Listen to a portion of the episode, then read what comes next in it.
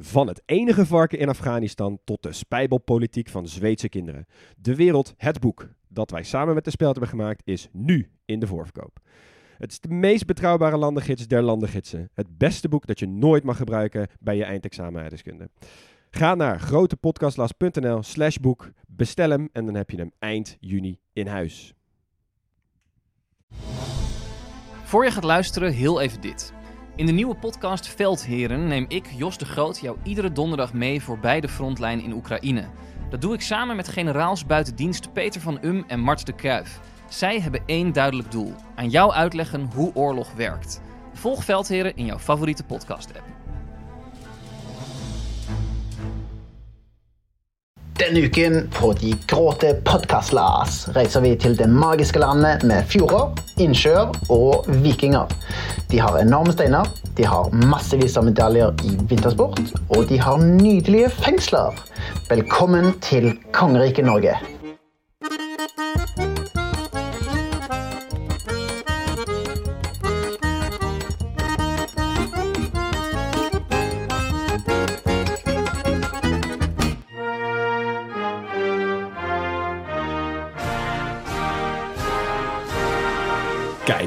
Zo moet het.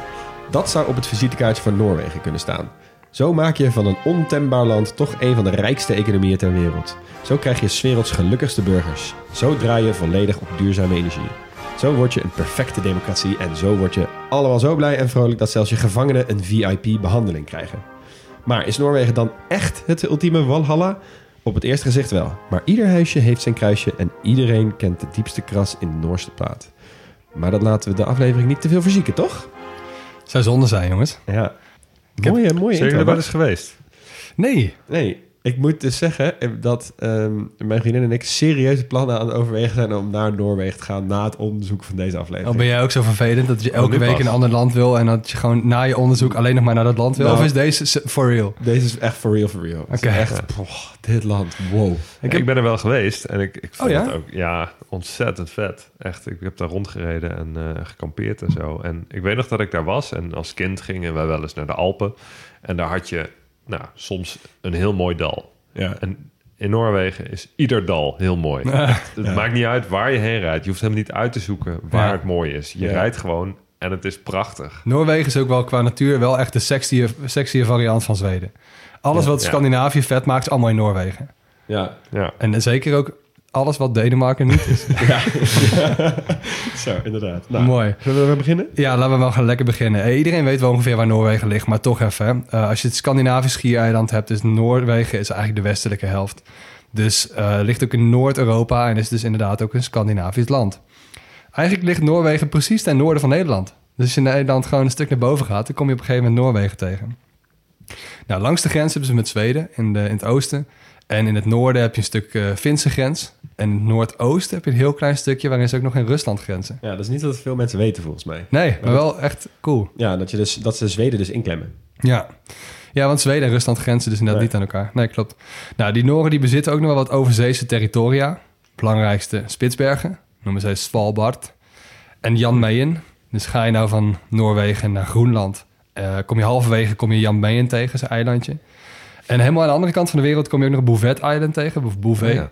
Ja. eh, vlakbij Antarctica. En Noorwegen is dus ook een van die landen die een claim legt op Antarctica. Je vertelt het heel normaal, maar ik vind het echt lijp dat het dus precies tussen Antarctica en Zuid-Afrika in ligt. Ongeveer 2260 Ja. kilometer van het volgende bewoonde eiland. Maar Ja. de Noren hebben toch ook als eerste de Zuidpool bereikt? Ja, die Amundsen toch? Ja, volgens mij wel. Ja. Nou, in ieder geval, jongens, eh, inclusief al die gekke eilandjes van ze, zijn ze negen keer zo groot als Nederland. Ongeveer net zo groot als Zimbabwe en Japan. Maar exclusief, dus alleen mainland Noorwegen is ongeveer 7,5 keer Nederland. En het is dus wel wat groter dan Nederland, maar ook weer niet zo groot. Ehm, en Noorwegen is natuurlijk wel een van die landen die Ja. nogal een handje geholpen wordt door de Mercator-projectie. Die dus alles in de buurt van de Polen uitrekt. Ja, Eh, en ja. Noorwegen dus groter lijkt dan dat ze eigenlijk zijn. Ja. Ja. En het grappige is wel, hè, iedereen kent misschien wel die plaatjes... dat als je dan een, een pin zet in Noorwegens zuidelijkste puntje... en dan als een soort van wijzer van een klok omdraait helemaal naar het zuiden...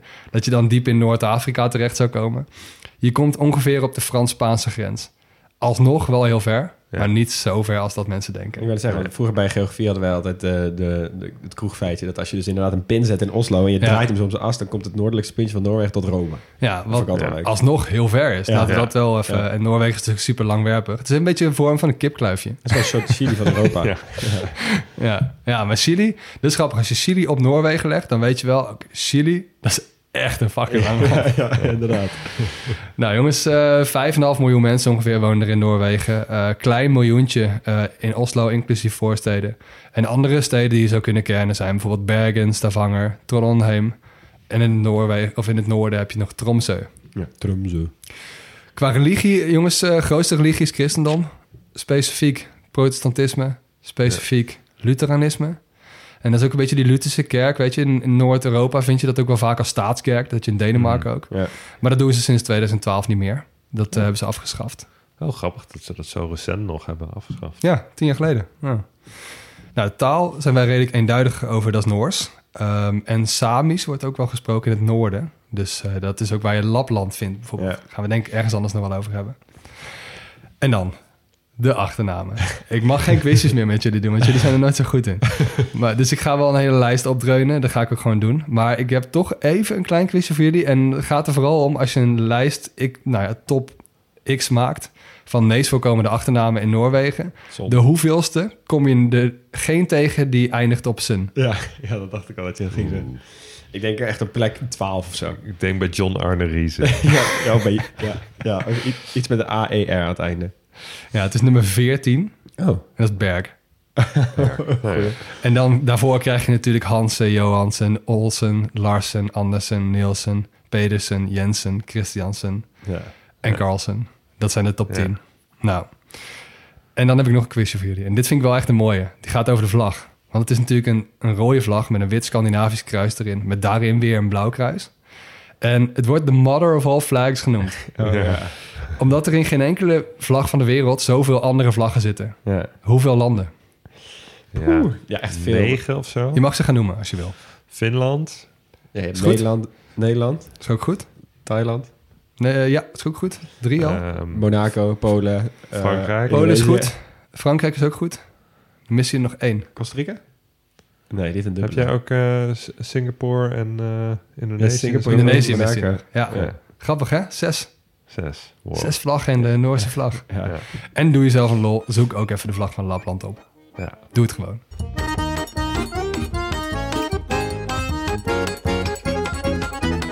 Jongens, denk je aan Noorwegen, dan denk je qua bevolking in ieder geval aan de Noren. En daar gaan we het even over hebben. Dus even niet aan die lappen. Nou, lappen mag eigenlijk niet, hè? Aan de samen. Eh, daar gaan we het dus inderdaad een andere keer over hebben. En Noren zijn natuurlijk een van de gelukkigste volkeren. Nou, Oké, whatever. Ja. Ja, dus we beginnen even met eh, wat vooroordelen. Noorwegen of Noren zijn een ingetogen, gereserveerd volkje, nooit ver weg van de natuur. En ze geloven in trollen. Ja. Een deel van die vooroordelen gaan we het vandaag even wat meer over hebben. In ieder geval die natuur. Want je hebt in Noorwegen het friluftsliv, dus vrije luchtsleven. Ja. 9 van de 10 Noren praktiseert dat. Hè, dus het is echt wel eh, heel beroemd eh, en, en heel bekend. Mensen moeten dicht bij de natuur wo- wonen en werken en vooral recreëren in de natuur. En de staat vindt dat zelf ook heel belangrijk. Dus eh, ze hebben dat echt vastgelegd in het allemansretten. Misschien Ja. ook wel bekend. Ja. Het recht om te verblijven in de natuur. Dus in openbaar gebied mag je ongelimiteerd zijn. Ja. Je mag er slapen. Je mag ook in privégebied slapen, zolang je minst- minstens 150 meter weg blijft van de bebouwing. Ja. Ja. Ja, daar Als je dan- ik gebruik van gemaakt toen ik. Oh, daar heb je dat Ja, gedaan. dat geloof ik wel, ja. Ja, terecht ook Ja, wel. fantastisch. Als je dan eh, meer dan twee nachten ergens gaat slapen op iemands terrein, dan moet je wel even toestemming vragen. ja. Ja, en je moet alles gewoon heel netjes achterlaten. Hè? Ja. En, en hekken achter je sluiten en zo. Dus als je een eh, weiland opent... eh, Ja, niet dat alle koeien nee, vervolgens precies. eh, Precies. Dus als, ja. Hoe is het in het Engels dat ze mooi le- zeggen? Leave only footprints, take only photographs. Ja.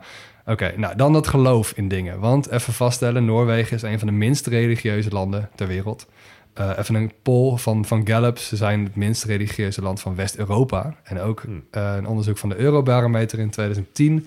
hebben ze gevraagd van wie gelooft er dat er een god is. 22 procent van de Noren. Ja. Wow, dat is echt Dus op drie na minste van Europa, na Tsjechië, Estland en Zweden. En ook in andere dingen als ik geloof dat er iets is, scoren ze ook vrij laag. Maar in dat iets Ja. hebben ze niet de trollen meegenomen. Want ja, dat is ook wel echt een soort van mythisch wezen dat echt een beetje uit de Noordse mythologie komt. En dus ook in Noorwegen zijn, eh, zijn, zijn, zijn wortels heeft. De troll dus. En ik vind het gewoon heel vet dat we het even over de trollen mogen gaan hebben. Die spelen eigenlijk in heel Scandinavië wel een grote rol. Ehm, vooral in IJsland. Dus echt mensen zoekt die in trollen geloven... dan moet je blijkbaar meer naar IJsland dan naar Noorwegen.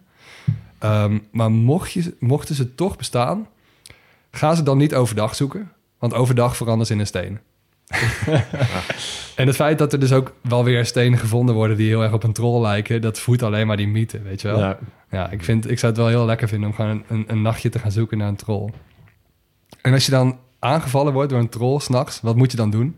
Mensen zeggen, blijf tegen ze praten. Want ze zijn best wel dom. Het is een klein verhaaltje dat gaat, eh, doet de ronde in Noorwegen. Askeladden som kapot met trollet. Oftewel, Askeladden, dat is een jongetje, had een eetwedstrijd met een troll. En die vertelde die troll dat eh, je eetlust kan weer op gang gebracht worden. Dus kan een boost gegeven worden als je jezelf in je buik steekt. dus dat heeft hij gedaan. En die troll die deed dat dus. Dat ging dood. En toen ging hij dood. Had hij gewonnen. Nou, de troll is natuurlijk onderdeel van de Noordse mythologie. En allereerst even Noordse. Dus niet Noorse. Ja. Die grenzen zijn nog niet zo oud. Dus ehm, ook een stuk van Zuid-Zweden en Denemarken hoorden er toen bij. En heeft ook wel heel veel gelijkenissen met de Germaanse. Dus daar kennen wij ook nog wel wat begrippen en goden ehm, kennen we daarvan. Maar ze hadden wel echt al een hele complete religie. Heel lang geleden ook al. Ver voor de vikingen ook. Die, eh, waar veel van die overleveringen vandaan komen. Dus Huug, jij vond het zo leuk dat ik in, eh, in Benin even een eh, scheppingsverhaaltje deed. Ja. Krijg je er nog een. Op YouTube staat namelijk best wel een lekker, eh, lekker kanaaltje van, eh, van Fiona Passantino. En die doet dus al die scheppingsverhalen. En die, eh, die heb ik nu ook even gezocht. Ben je al geabonneerd maar? Nou, ik ga dat wel even doen, ja. nou, jongens, daar gaan we. Je had twee werelden. Moespel, het licht en het vuur. Met de vuurreuzen erin. De vuurreus Soertoer, dat is hun, hun, hun leider. En je hebt Niflheim, en dat is de donkere wereld, met ijs. En daartussenin lag, eh lag Gigungagap. En dat was de grote leegte. Uiteindelijk Moespel kreeg de overhand, die vuurwereld... waardoor dat Niflheim een beetje begon te smelten. En uit het smeltende ijs kwam de vorstenreus Ymir... En dat is het oudste levende wezen in de Noordse mythologie. En er kwam niet alleen een vorstreus uit het ijs, maar ook een koe.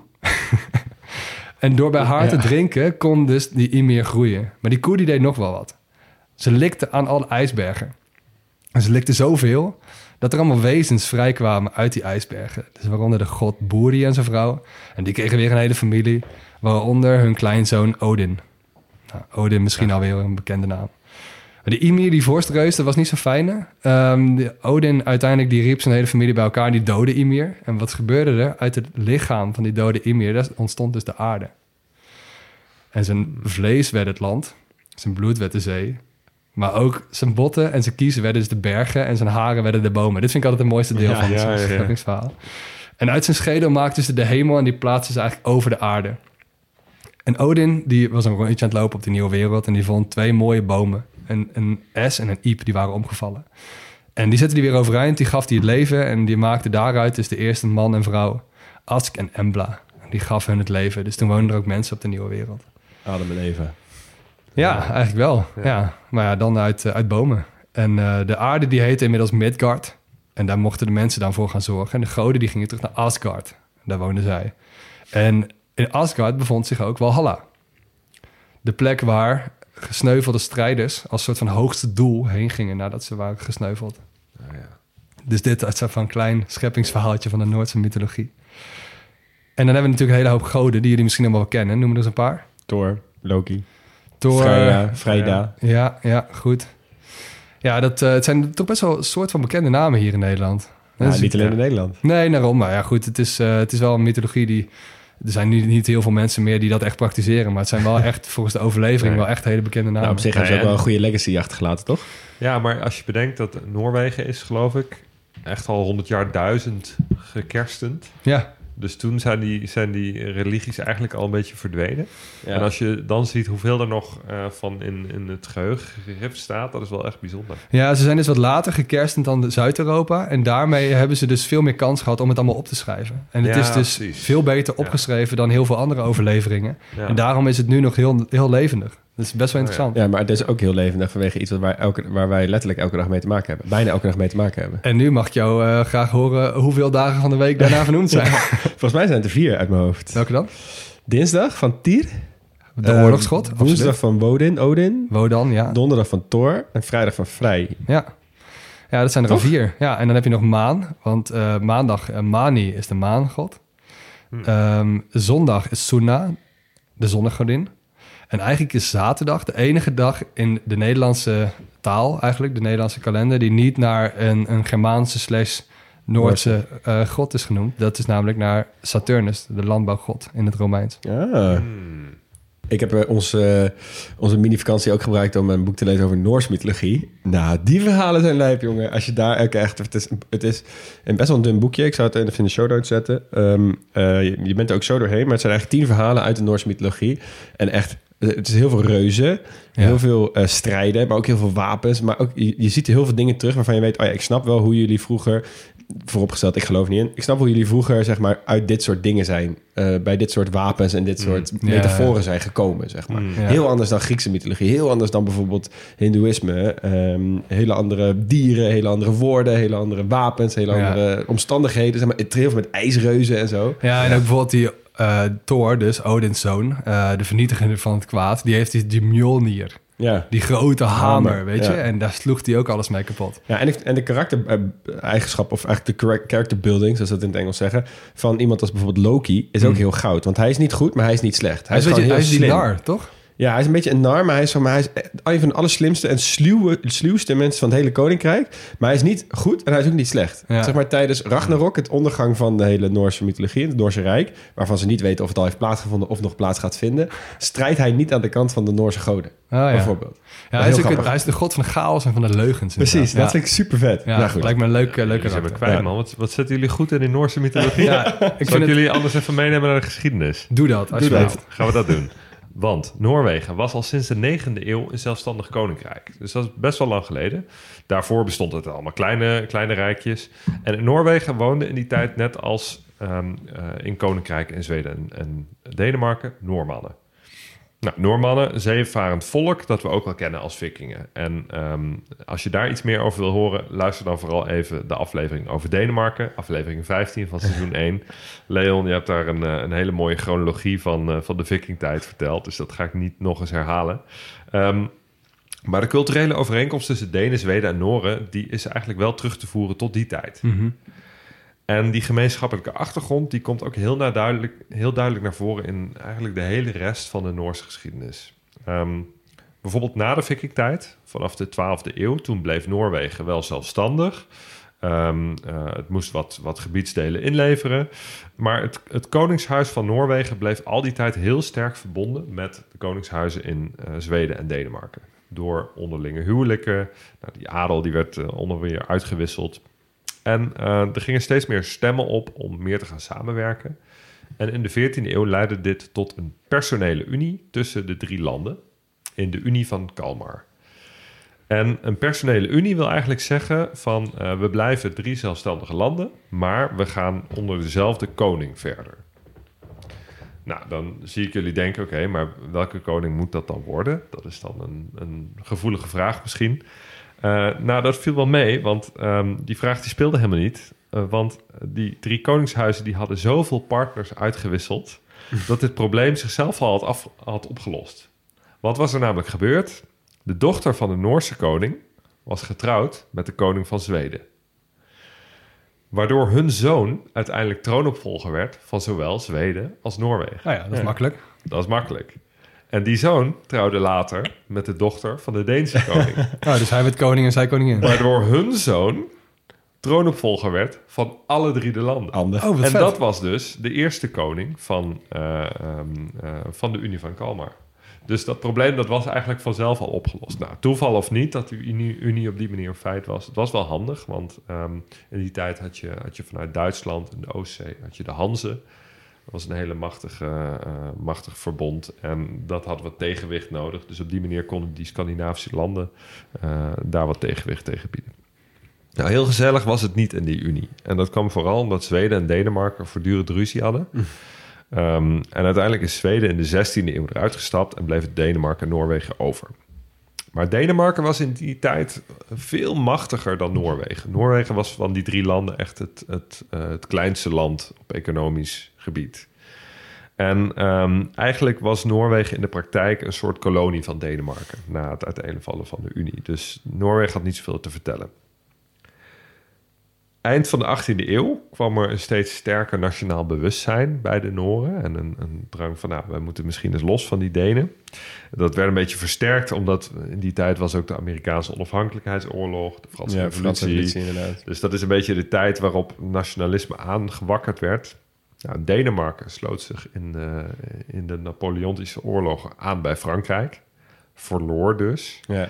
En ehm, eh, eh, Zweden vocht wel aan de goede kant, of aan de kant van de overwinnaars. En die mochten na afloop ehm, Noorwegen weer overnemen van Denemarken. Dus Noorwegen was er nog steeds niks mee opgeschoten. Ze waren wel van de Denen af. En Maar ze waren nu een, een soort Zweedse kolonie. Nou kregen ze wel wat meer soevereiniteit, een eigen grondwet. Maar ehm, eh, het duurde tot 1905, dus begin 20e eeuw, tot eh, Noorwegen eh, echt een vuist kon maken en tegen Zweden zei van wij willen alleen verder. Nou, dat, Dus eigenlijk is het een soort twee keer onafhankelijk geworden eigenlijk.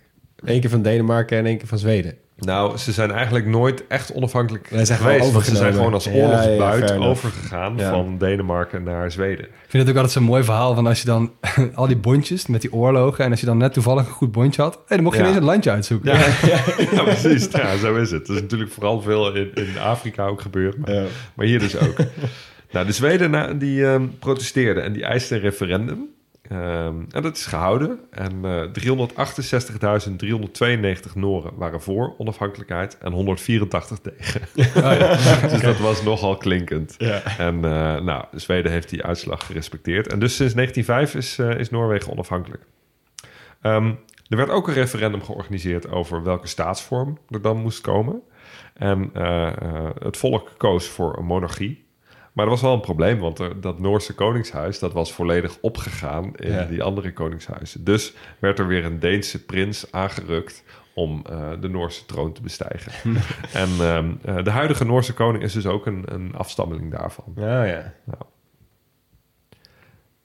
Nou, in de Eerste Wereldoorlog bleef Noorwegen neutraal. En in de Tweede Wereldoorlog was het dat weer van plan. Maar dat was eigenlijk al tamelijk snel een kansloze missie. Want zowel de Duitsers als de Britten wilden Noorwegen heel graag hebben. Noorwegen had natuurlijk een gigantische kustlijn. Ja. Het lag heel strategisch ehm, met het oog op de, de zeevaart- scheepvaartroutes. Ehm, dus ja, beide landen die, eh, die was er veel aan gelegen. En voor de Duitsers was het vooral cruciaal... omdat eh, Duitsland heel veel ijzererts importeerde uit Zweden. Daar maakten ze natuurlijk allemaal, eh, allemaal wapens van. En eh, dat deden ze in de zomer via de Oostzee. Maar in de winter vriest de. Oostzee dicht. Ja. Want die ligt niet aan de golfstroom. Ja. Eh, dus Ja. in de winter hadden ze de Noorse havens nodig om het Zweedse ijs- ijzererts te exporteren. Ah. Nou, dus tamelijk snel in 1940 hebben, hebben de Duitsers ehm, eh, Noorwegen aangevallen. Ehm, eh, eerder dus dan de Britten, eh, tegelijk met Denemarken. En de tegenstand was enorm. Noorwegen heel- heeft eh, twee maanden stand gehouden tegen de Duitsers. En ja, dat is echt heel lang, want alleen de Sovjet-Unie heeft langer stand Ja. gehouden eigenlijk tegen Ja. een Duitse invasie. Dat is ook een feitje, hè?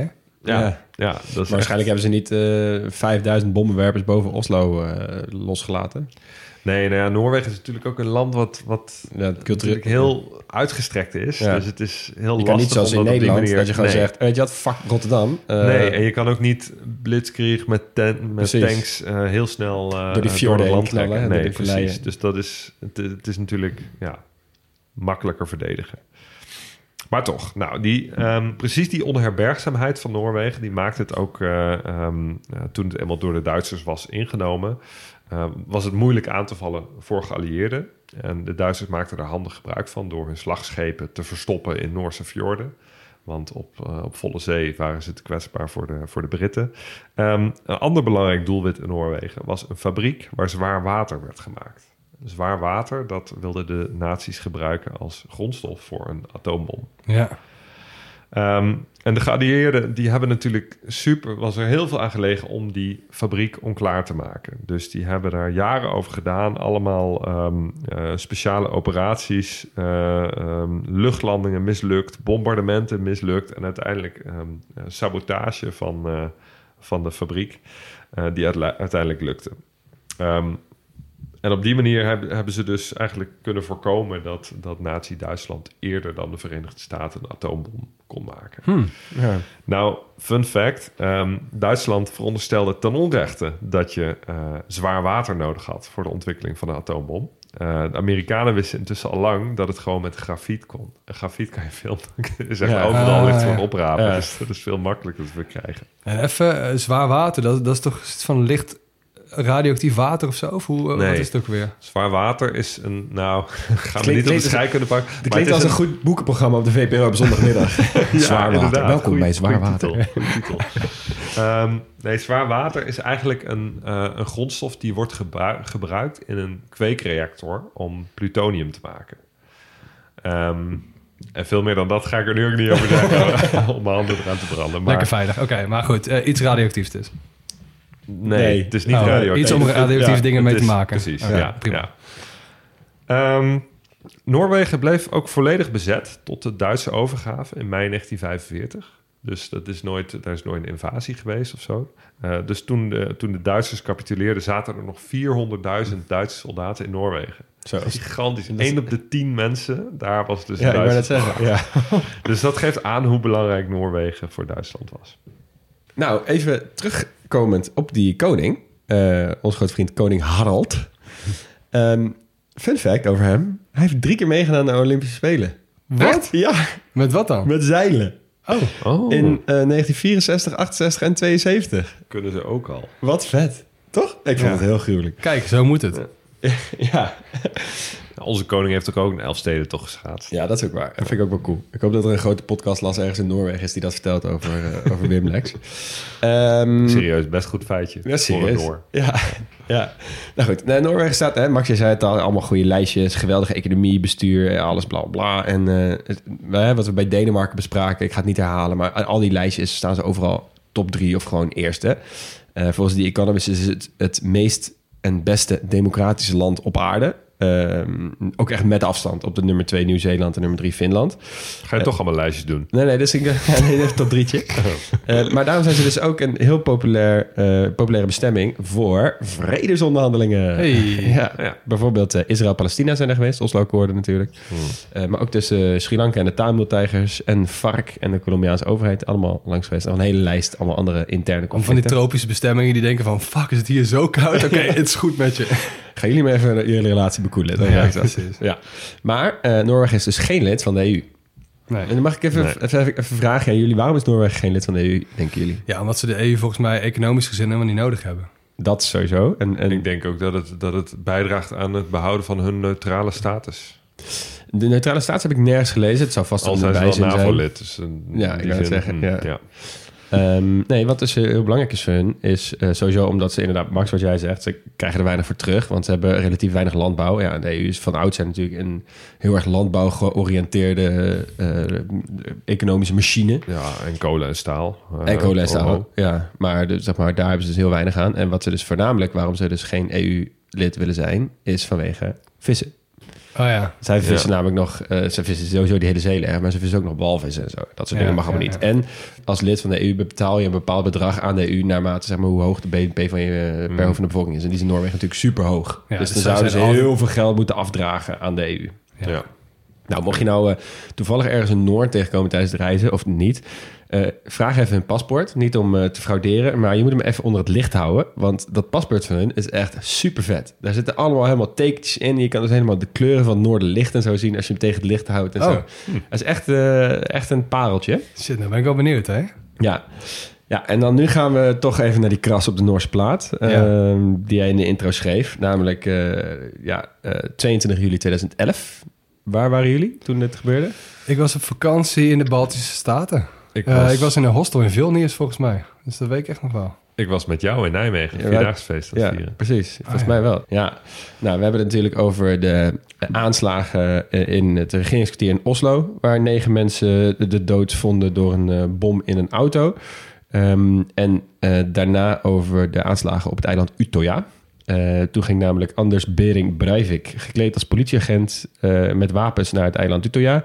Hier was een bijeenkomst van de jongeren van de Arbeiderspartiet, een soort eh, PvdA van Noorwegen. Die hebben daar een eigen eiland, want ze hebben er toch genoeg eilanden.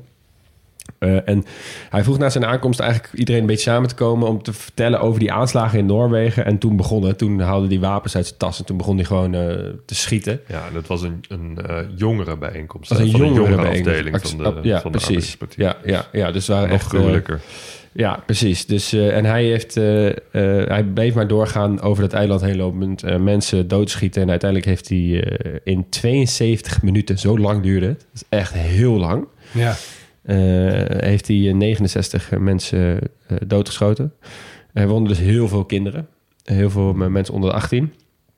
Eh, en hij eh, bracht, eh, voordat hij dat deed, ook nog een manifest uit... wat nog steeds rondgaat in eh, rechtsextremistische kringen... als een soort eh, voorbeeld voor hoe je zou moeten leven onder... eh, hè, ja, een soort, zoals hij het zo noemt... de, de, de blanke, het blanke topras wat moet heersen over de wereld en zo. Mm, Ehm, hij vond dat de Arbeiderspartiet eh, een, een staat werd van etnische, religieuze en politieke diversiteit. En dat vond hij eh, verschrikkelijk.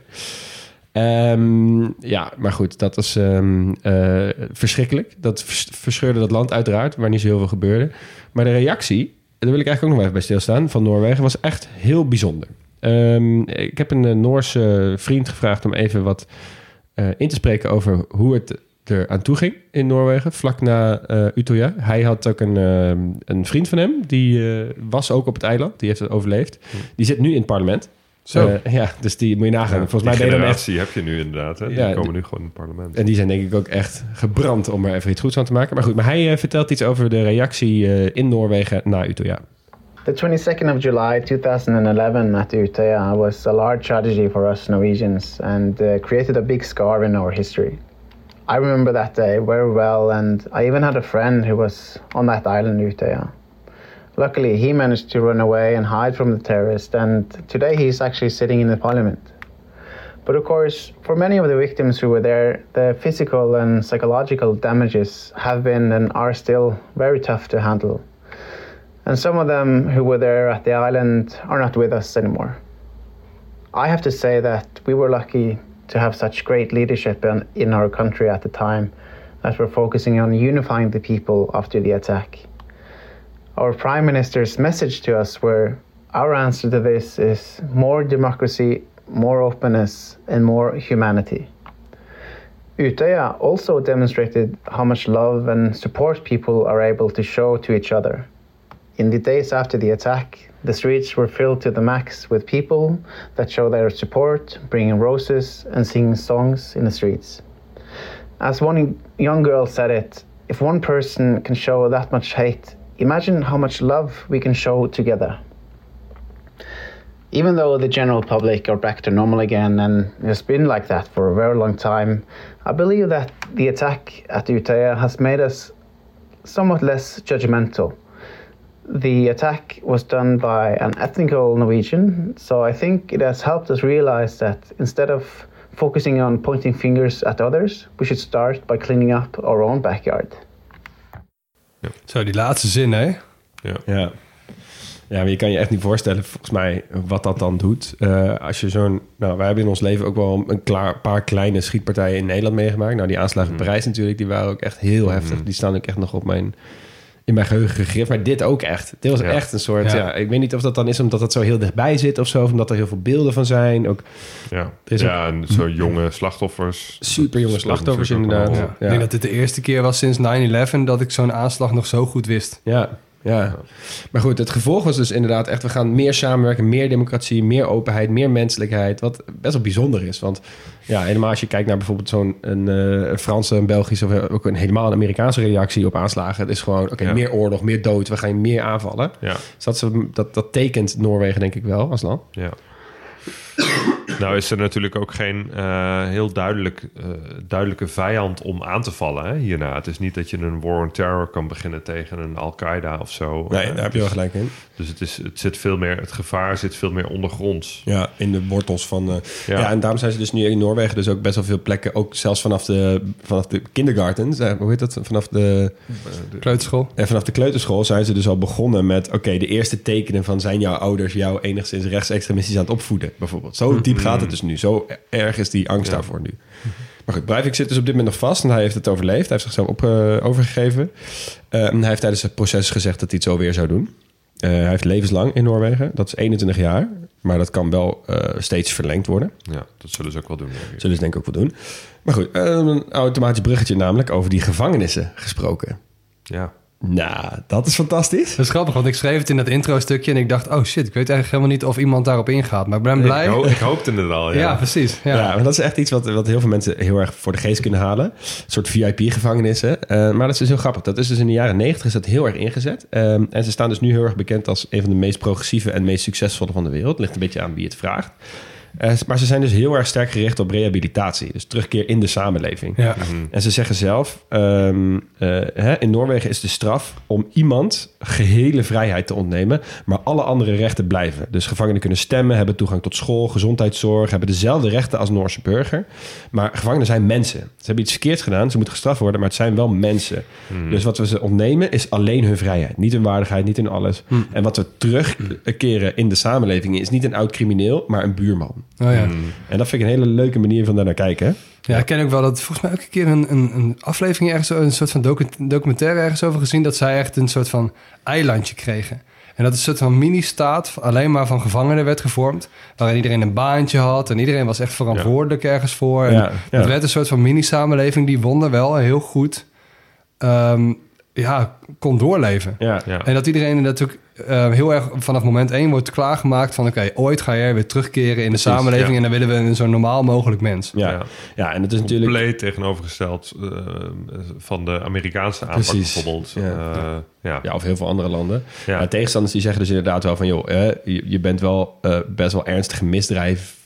eh, best wel comfortabel en vergevensgezind aan het behandelen. Maar ja, de cijfers liggen er niet om... want een, eh, de criminelen in de VS hebben een recidive van 60%. In Nederland is dat 47%. Eh, en in Noorwegen is dat dus 20%. Dus 20% van de mensen die vrijlaten plegen opnieuw een Ja. misdrijf. Dat is heel lastig. Dan kom je in een soort vraag van wat is belangrijker? Hè? Ja. kans op recidive of een soort van genoegdoening voor slachtoffers? Ja, precies. Ja. Precies. Ja, ja, inderdaad. Nou is Noorwegen natuurlijk wel een, een samenleving die minder ongelijk is. Hè? Dus ehm, eh, je hebt meer rechten, je hebt minder uitschieters. En dat maakt het misschien ook wel makkelijker om niet al te veel recidieven te hebben. Ja, ja, dus in Amerika maar- bijvoorbeeld is de samenleving Nee, zo hard waar je terugkomt. De recidive in eh, begin jaren 90, voordat ze hiermee begonnen, was net als in hoog in Amerika. 60, Oh, kijk aan. 70%. Oké. Ja, ja, dus het, heeft, het is echt puur politieke keuzes geweest die hiertoe hebben geleid. Ja. Oké. Vet. Nou, ehm, dan nog even een tussen, tussendoor feitje. Gewoon voor in de kroeg. Alsjeblieft, mag je het meedoen. Eh de Nobelprijs voor de Vrede is de enige Nobelprijs eh, die niet in Zweden wordt uitgereikt, maar die in Noorwegen wordt uitgereikt. Eh, en dat heeft waarschijnlijk te maken met het feit dat ze dus, wat jij vertelde Hugo, dat tegen de tijd dat Alfred Nobel leefde, dat die twee landen nog soort één waren. Ah. En niemand weet precies waarom die nou voor die ene prijs uit Noorwegen hebben. Maar zij moeten dus, het parlement kiest dus het, het comité. En dat comité kiest vervolgens een Nobelprijswinnaar. Grappig. Grappig, hè? Nou, dan eh, wil ik het laatste verhaaltje nog even met jullie meenemen naar waar we het net over hebben gehad. Svalbard. Oftewel Ja. Spitsbergen. Ehm, sowieso, dat eiland is fascinerend. Eh, je mag daar niet naar buiten zonder geweer. Vanwege de IJsberen. moker van ijsberen die daar rondlopen. Ehm, iedereen mag er wonen. Ook als je geen visum hebt. Je mag er gewoon wonen, als je dat wil. Maar ja, 9 van 10 wat? 99 van 100 wat? 99 99 van 3000 mensen willen daar niet wonen. Moet je in april daarheen verhuizen en dan rond september weer terug. Ja, en dan zelfs dan niet. Ehm, je mag alleen niet geboren worden. Dat zijn ziekenhuizen. En je mag ook niet doodgaan, want je kan niemand begraven. Want permafrost. Oh ja. Ja. Dus je moet terug, je moet gevaren worden. Ja. als je-. Maar goed, eh, wat ik, waar ik even op focussen is heel vet. Je hebt daar de Wereldzaadbank. Oftewel de Ark van Noach. Kennen jullie dat of niet? Hebben jullie Ja. dat wel gehoord? Ja. Ja. Ja, dat is dus een, een mega grote kluis... eh, die meer dan een miljoen zaadsoorten... van bijna elk land ter wereld eh, hebben bewaard. Ehm, en er is echt nog vet veel ruimte voor allemaal andere miljoenen... die ze allemaal aan het verzamelen zijn. En het doel daarvan is om een soort databank te verzamelen... van alle voedselvoorzieningen en dingen die wij kunnen eten en planten vanuit de wereld. Als een soort, mocht er ooit iets gebeuren met deze of gene qua plant... dan Ja. hebben we Ja. hier nog een backupje. Mocht er Ragnarok komen. plan. En mocht er Ragnarok komen... Super fijn dat de Noren dit gewoon voor ons hebben gefixt. Gratis en voor niets. Elk land mag dit gewoon nou doen. Het is een soort wereldvrede in die kluis. Noord-Koreaanse en Zuid-Koreaanse zaadjes... die liggen daar gewoon rustig naast elkaar, zeg maar. Ja. Eh, en het is grappig waarom het daar dus is. Los van dat het in Noorwegen is en veilig. Er is geen tektonische activiteit. Je hebt daar vrijwel geen, je hebt daar geen militair conflict... of überhaupt eh, mogelijkheid. Er is permafrost, wat dus chill is... want dan hoef je niet heel veel energie te stoppen in dat koud te houden. Anders had Qatar het wel gewi- gewild, denk ik. Anders had Qatar het weggewild. En het ligt dus 130 meter boven de zeespiegel. Oké. Omdat dat Ja. Svalbard, Spitsbergen, nou, Ja. what's in the name. Ja. eh, op die manier heb je het dus best wel vet, eh, kan je het best wel veilig ook voor de stijging van de zeespiegel bewaren. Ja. Ha. Goeie.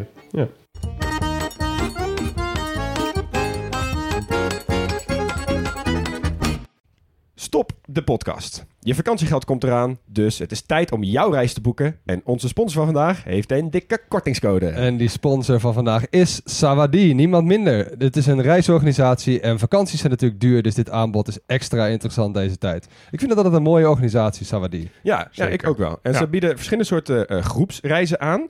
Eh, en vandaag gaan we het even hebben over die ze aanbieden aan de 22 tot 35-jarige backpackers. En dat zijn over het algemeen mensen die wel wat meer willen weten over het land dat ze bezoeken. En dus niet zomaar van A naar B die hotspots aflopen, busje in, busje uit. Ja, en het zijn ook mensen die het vaak leuk vinden in een groep eh, te reizen. En eh, die groepen die blijken ook heel snel vriendengroep te worden. Zowel tijdens de reis als daarna. Eh, mensen komen vaak nog heel, veel, heel vaak met elkaar terug, spreken af om te meeten en zo. En je kunt dus ook echt naar heel veel plekken op de wereld. Populair zijn op dit moment plekken als Zuid-Afrika, Marokko, Jordanië, Colombia, Nepal.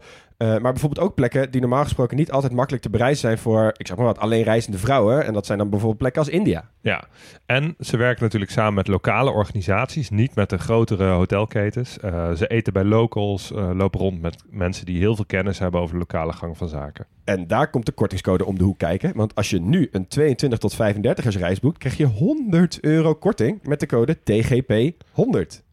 En die code is geldig van 1 mei tot 16 juni. Ja, dus je moet wel een beetje op tijd boeken, maar hey, 100 euro korting op zo'n reis. Moet je kijken dat- wat je er allemaal mee kan ik doen. zou dan toch altijd even proberen om DGP 200 in Ja, te voeren. ja, ja, ja, dat ja. ik misschien. Ja. Ja, ik- Anyway, 100 is ook al super mooi. Zeker. En bij Sawadee, het reizen is heel makkelijk. Er is heel veel keuze en het is dus ook heel gezellig. Sawadee, met wie ga jij op reis? Terug naar de podcast.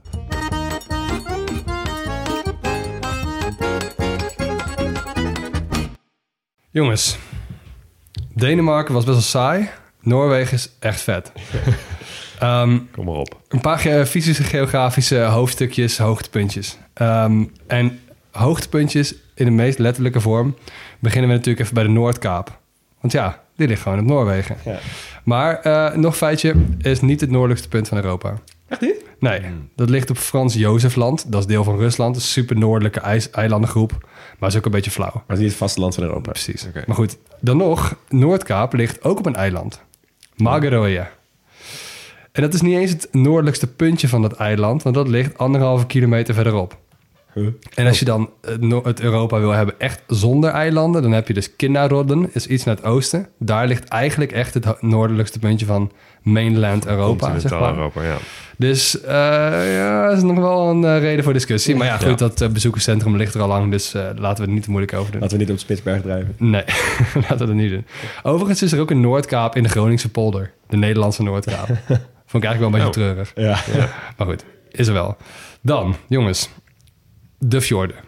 Want als je aan fjorden denkt, denk je toch wel meteen aan Noorwegen. We hebben het zelfs ook al een paar keer gehoord, hè? ook met die, eh, die oorlogshandelingen, die kon je er goed verstoppen. Dus wat, doen, wat zijn nou die fjorden? Eigenlijk, het is gewoon een heel bergachtig landschap, wat ehm, door gletsjers die er heel lang geleden gele- gelegen hebben, ingesleten inhammen in de kust hebben veroorzaakt. Hè, dus je had op een gegeven moment de ijstijden, daar lagen er eigenlijk rond de kust van Noorwegen nou, lagen de gigantische gletsjers. Die zijn allemaal gesmolten en die hebben die hele dalen uitgesleten. Ehm Huug, jij zei op een gegeven moment tijdens mijn hoofdstukje eh, in Tajikistan over die gletsjers. Ik ga dat niet allemaal herhalen, maar eh, je had het over die U-vormige da- dalen. Dat is hier ook heel belangrijk. Dus eh, je hebt niet een rivier die heel smal een dal uitslijt. Maar je hebt echt een breder stuk, omdat die gletsjer gewoon een stuk breder is. Dus Ja. aan alle kanten van dat, van dat dal vindt die uitsluiting plaats. Ja, is een ijston Ja. die Ja. zo het water ingaat. Precies. En ehm, we hebben nog een, ehm, een begrip gezien destijds in, eh, in Tajikistan. Dat zijn die eindmorenes. En dat zijn dus eigenlijk al die eh, grote stenen en al dat zeg maar, afval... dat onder die gletsjer wordt meegevoerd terug... of eh, zeg maar, verder het dal in. En dat hoopt zich op helemaal aan het eind. En dat heb je hier dus ook een beetje. En dat zorgt er dus eigenlijk voor dat bij de ingang van de fjord... eigenlijk als je het ziet van open zee... is het veel ondieper dan in de fjorden. Ja, ja. Dus daarom is het water ook altijd veel rustiger in de fjorden. Oh ja. En dat maakt het dus ook een goede haven. Dat is een beetje hetzelfde effect als bij een atol eigenlijk, op een gekke manier. Daar waar je Ja, bij de rand wel, creëert, waar het intern heel, of binnen heel rustig Ja. is. Ja, binnen is het heel rustig. Ja. Dus daarom is het dus ook een, eh, een goede natuurlijke haven. Oh, dat wist ik helemaal niet. Grappig. Nee. Grappig. Nou, wat ook, ook wel grappig is aan die fjorden... is dat in de zomer wordt er veel regenwater afgevoerd. Dus dan is het bovenste deel van het fjordwater is vaak zoet. En Ah. onder is zout. Oh ja. Kan je dan gewoon, als je gaat hiken op zo'n fjord, kan je dan gewoon het water Ja, drinken? weet ik niet, maar ik weet niet of het zo zoet is. ik denk dat het alsnog, je zal het wel proeven, Ja. denk ik. In de winter hoef je het Misschien sowieso kan je niet er te wel door overleven, zeg maar. Het, is, het zal niet lekker zijn, maar misschien overleven zou wel kunnen, denk ik. Ja, nou, als je er toch heen gaat in de zomer, dan het probeer het. proberen. Ja. In de winter geldt dit trouwens niet, want dan regent het niet genoeg. Dan is het allemaal zout. Mm, ja. Nou, een paar beroemde fjorden. Je hebt natuurlijk de Sonjefjorden. Dat is eh, de, eigenlijk de koning van de fjorden. Is de grootste. En het Geirangerfjord is een van de mooiste. En dat wordt ook als zodanig ook wel gezien en aangeboden. En daarom komen er ook heel veel cruises en zo. Maar ik denk dat het vast niet de mooiste is, want er zijn er zoveel. Dus luisteraars, kom maar op. Eh, er zijn er genoeg die waarschijnlijk mooier zijn dan het Geiranger. Dus eh, stuur die vooral ook even in. Dan, eh, dan maken we er eventjes een mooi postje van. Nou, dan jongens, ehm, nog iets even over de relatie van Noorwegen met de zeespiegel. Um, Hug, jij tipte me even over dit, dit feitje. Het is best wel interessant. Ehm, in de meeste landen geldt het natuurlijk dat op het moment dat de zeespiegelstijging zorgt voor eh, een hogere zeespiegel natuurlijk, dat het water relatief hoger op de kust staat. En dus heb je ergens een bruggetje of een, of een kade die nu aan het wateroppervlak ligt. Over 10 jaar ligt die dat misschien niet meer, of 50 jaar. Mhm. En in Noorwegen gebeurt dus op veel plekken precies het tegenovergestelde. Daar daalt relatief de zeespiegel. Huh? Dat is super raar. En dat werkt eigenlijk zo. Best wel een leuke mechaniek. En die kan ik ook best wel simpel uitleggen, denk ik. In de ijstijd lagen overal hele dikke gletsjers. En die gletsjers die zijn zo zwaar dat ze drukken op de aardkorst. En zie je het een beetje als een matras waar je op ligt. Ja. Als die ijskap smelt, Wordt dan lichter. veert die aarde weer terug. Ja. Alsof Ja. jij van je matras afstapt, zeg maar. Oké. En dat is nog steeds aan de gang. Dat gaat gewoon heel langzaam. En dat betekent dus ook dat ze, oh, hoewel het meer dan 10.000 jaar geleden is, dat bepaalde stukken land nu dus zometeen eh, lager liggen, of nee, hoger liggen dan Ja. dat ze eerst lagen. Dus Dus heb je Noorwegen ergens een, stijgt als het ware. Noorwegen stijgt. ja, de zeespiegel stijgt, maar. Noorwegen stijgt gewoon harder. Ja. Dus eh, zie je ergens een bruggetje nu, dan over, weet ik veel, 50 of 100 jaar, ehm, ligt dat bruggetje gewoon een Nog meter boven, boven Ja, de dus, zeespiegel. dus zij moeten kaders verlagen in plaats van verhogen. Ja. Wat? We zijn Ja. bijvoorbeeld ook al in hoogtemeters nu aan het aanpassen. Oh ja, de NAP is ook anders. Ja. Ja. ja, dan nog even als laatste puntje, jongens. Eh, we hebben de Lofoten nog niet be- benoemd. Die eilandengroep, helemaal in het noorden van Noorwegen. Eigenlijk de allermooiste en dramatische Noorse natuur ligt allemaal, hè, ligt allemaal daar. Ehm, in 2000 is daar het Rustrif ontdekt. En dat is bedekt met Lofelia. Dat is echt koudwaterkoraal. Dus het grootste diepzee-koraalrif van de wereld. Oké. is ook door de overheid beschermd. Wel bedreigd, omdat er natuurlijk vlakbij naar olie wordt geboord. Ja. Ehm, die Lofoten zijn wel echt de moeite waard. Moet misschien ook maar eens gaan kijken. Er ligt ook een dorpje helemaal echt end of the road. En dat dorpje heet A. zo'n A met zo'n bolletje erop. Zomaar koraal op die plek. Ja. Ja. verwacht. Het is helemaal wit. Maar ik heb, dus ook, ik heb dus ook wel eens gelezen in een van mijn bronnetjes, ik weet niet of je dat nog wilde aankaarten, maar dat ze dus door de golfstroom, dat in Noorwegen, helemaal in de zomer, aan best wel veel kustgebieden, dat het gewoon best wel lekker warm is daar. Het is wel warm, maar dat betekent ook wel dat een stad als Bergen bijvoorbeeld... een van de natste steden is van Europa. Ja, ja, ja, precies. regent heel Ja. veel. Ja, Ja. ja, ja. Hey Max, je bent een dier vergeten. Hmm. Een koningspinguïn. Nou, vertel maar. Pinguïn? Ja, een koningspinguïn. Die de- leeft in de dierentuin van Edinburgh Oh. in Schotland. Oh ja, van hij het leger. Niels Olaf III en hij is kolonel in het Noorse leger. Ja, Nee joh. jawel. Echt waar. Ze hebben een koning die doet mee aan de Spelen... en ze hebben een pinguïn die, die in het in leger... Schotland. Die een hoge functie in het leger bekleedt. Er zijn dus echt foto's van die pinguïn met zo'n hele medaille ding. Ja. Die dan echt zo langs zo'n troepen, de troepen inspecteert, zeg maar. Waarom doen ze dat dan? Ja. Gewoon weer zo'n progressief plannetje van die Noren Noren. Wat heerlijk. Ja, Max, je, zegt het zelf. Ik heb eh, voor het toeristisch hoofdstukje even Google mogen raadplegen. Mijn hemel, wat een land. Echt, elke keer als je denkt het kan niet mooier, dan krijg je gewoon weer plaatjes voor je. Het is echt... Maar goed, Ehm, waarom ga je naar Noorwegen? Nou, hè, waar we het net over hadden, het meest noordelijke puntje van Europa. Dat is natuurlijk voor ons geografen een eh, soort eh, reden om die kant op te gaan. Eh, je kan naar de Poolcirkel om te chillen met rendieren natuurlijk. Je kan het bizarre Noorderlicht bekijken. Wat we overigens even disclaimer gaan bespreken in, denk ik, in Finland of zo. Want Noorwegen is veel te interessant. En ik stuurde, ja, ik ging even onderzoek doen naar wat is nou precies dat noorderlicht. En toen kreeg ik echt een soort natuurkundige omschrijving in drie zinnen. Dat ik dacht, ja, eh, volgende keer wel. Nee, maar je vond het ook heel vet. ik vond het super vet, want het Ja. komt in allerlei kleuren en maten en, Ja. en weet ik het het allemaal Ik meer. hoop dat ze in Estland of zo ook noorderlicht hebben. Dan kunnen we daar gewoon een half uur aan wijden. Ja, precies. Of misschien Finland. Maar we zullen het zien. Eh, je hebt dus ook de IJszee-kathedraal in Tromsø. Tromsø ligt dus echt een beetje de noordelijkste soort van nog stad eh, Hmm. in Noorwegen. Er wonen denk ik 40.000 mensen of zo, maar het is wel heel noordelijk. Eh, oftewel de Ishavskathedralen. Dat is een hele vet soort driehoekige kathedraal... die best wel vaak ook in series, eh, Noorse dingen wordt gebruikt. Hm. Eh, doet een beetje denken aan de Sydney Opera House. Een beetje dezelfde stijl, weet je wel. Dus als je toch in de buurt bent, stuur een fotootje. Maar ja, wat je eigenlijk moet doen is dus genieten van die ongerepte natuur. Hè? Max, jij zei het al, de Allemansretten is er. Die Frilootslief, waar ze allemaal zo ontzettend blij van worden. Namelijk dat buitenleven. Die eh Noren die zijn de hele tijd overal of ze wandelen. En als je niet kunt wandelen, dan skiën of langlopen ze wel ergens heen. Ehm, dat is echt een soort standaard manier van, van transport daar.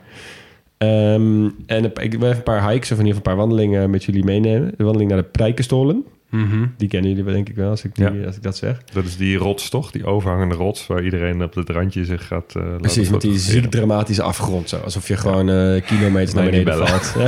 wij, wij dan ook wel een beetje... soort hebben we niet een keer ooit een soort van Taj Mahal effect gedoopt? Dat als je dan die camera 180 graden zou draaien... en Ja. gewoon achter je zou kijken... dat je die dromme mensen ziet overal. ja, ja. Maar in Noorwegen is het dan nog steeds mooi als je eh, je camera 180 graden draait. Ja. Ja, maar wat ik, dus, eh, wat ik dus heel vet vind, is dat ehm, die wandeling naar die Prijkenstolen, dat is een wandeling van vier uur.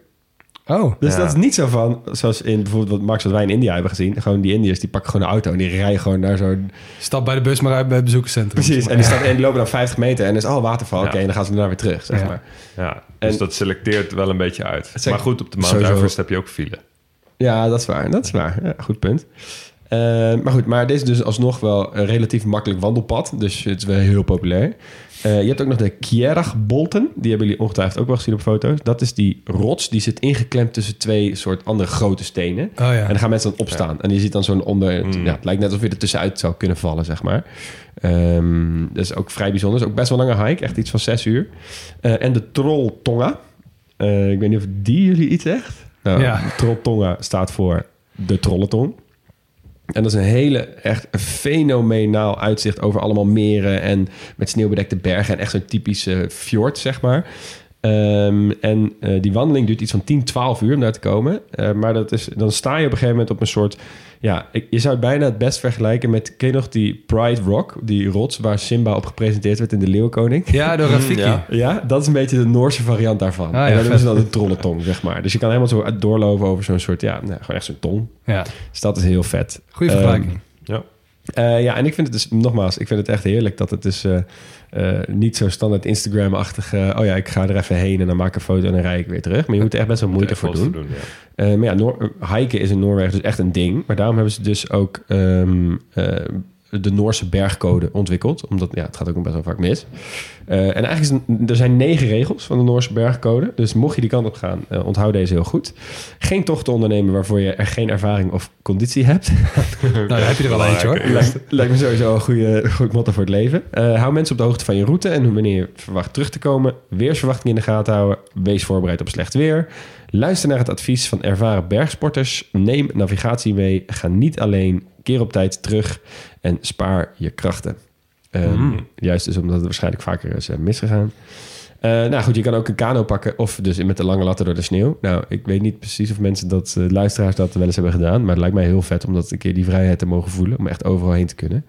Ja. En wat daar natuurlijk heel erg bij hoort, is los van het feit dat je overal jezelf mag redden, is dus ook jagen.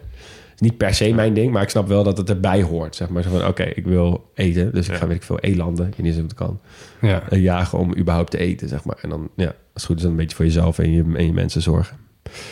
Eh, nou, in het westen heb je dus natuurlijk... eh, dat is dus aan de waterkant. Daar zitten alle, alle dramatische hoogteverschillen. Dus dan heb je natuurlijk ver- bergen, fjorden en natuurlijk heel veel watervallen. Eh, maar eigenlijk wat je dan moet doen als je daar bent... moet je een stuk over de At Atlantershavswegen gaan rijden. Heb je daar wat eens van gehoord? Ja.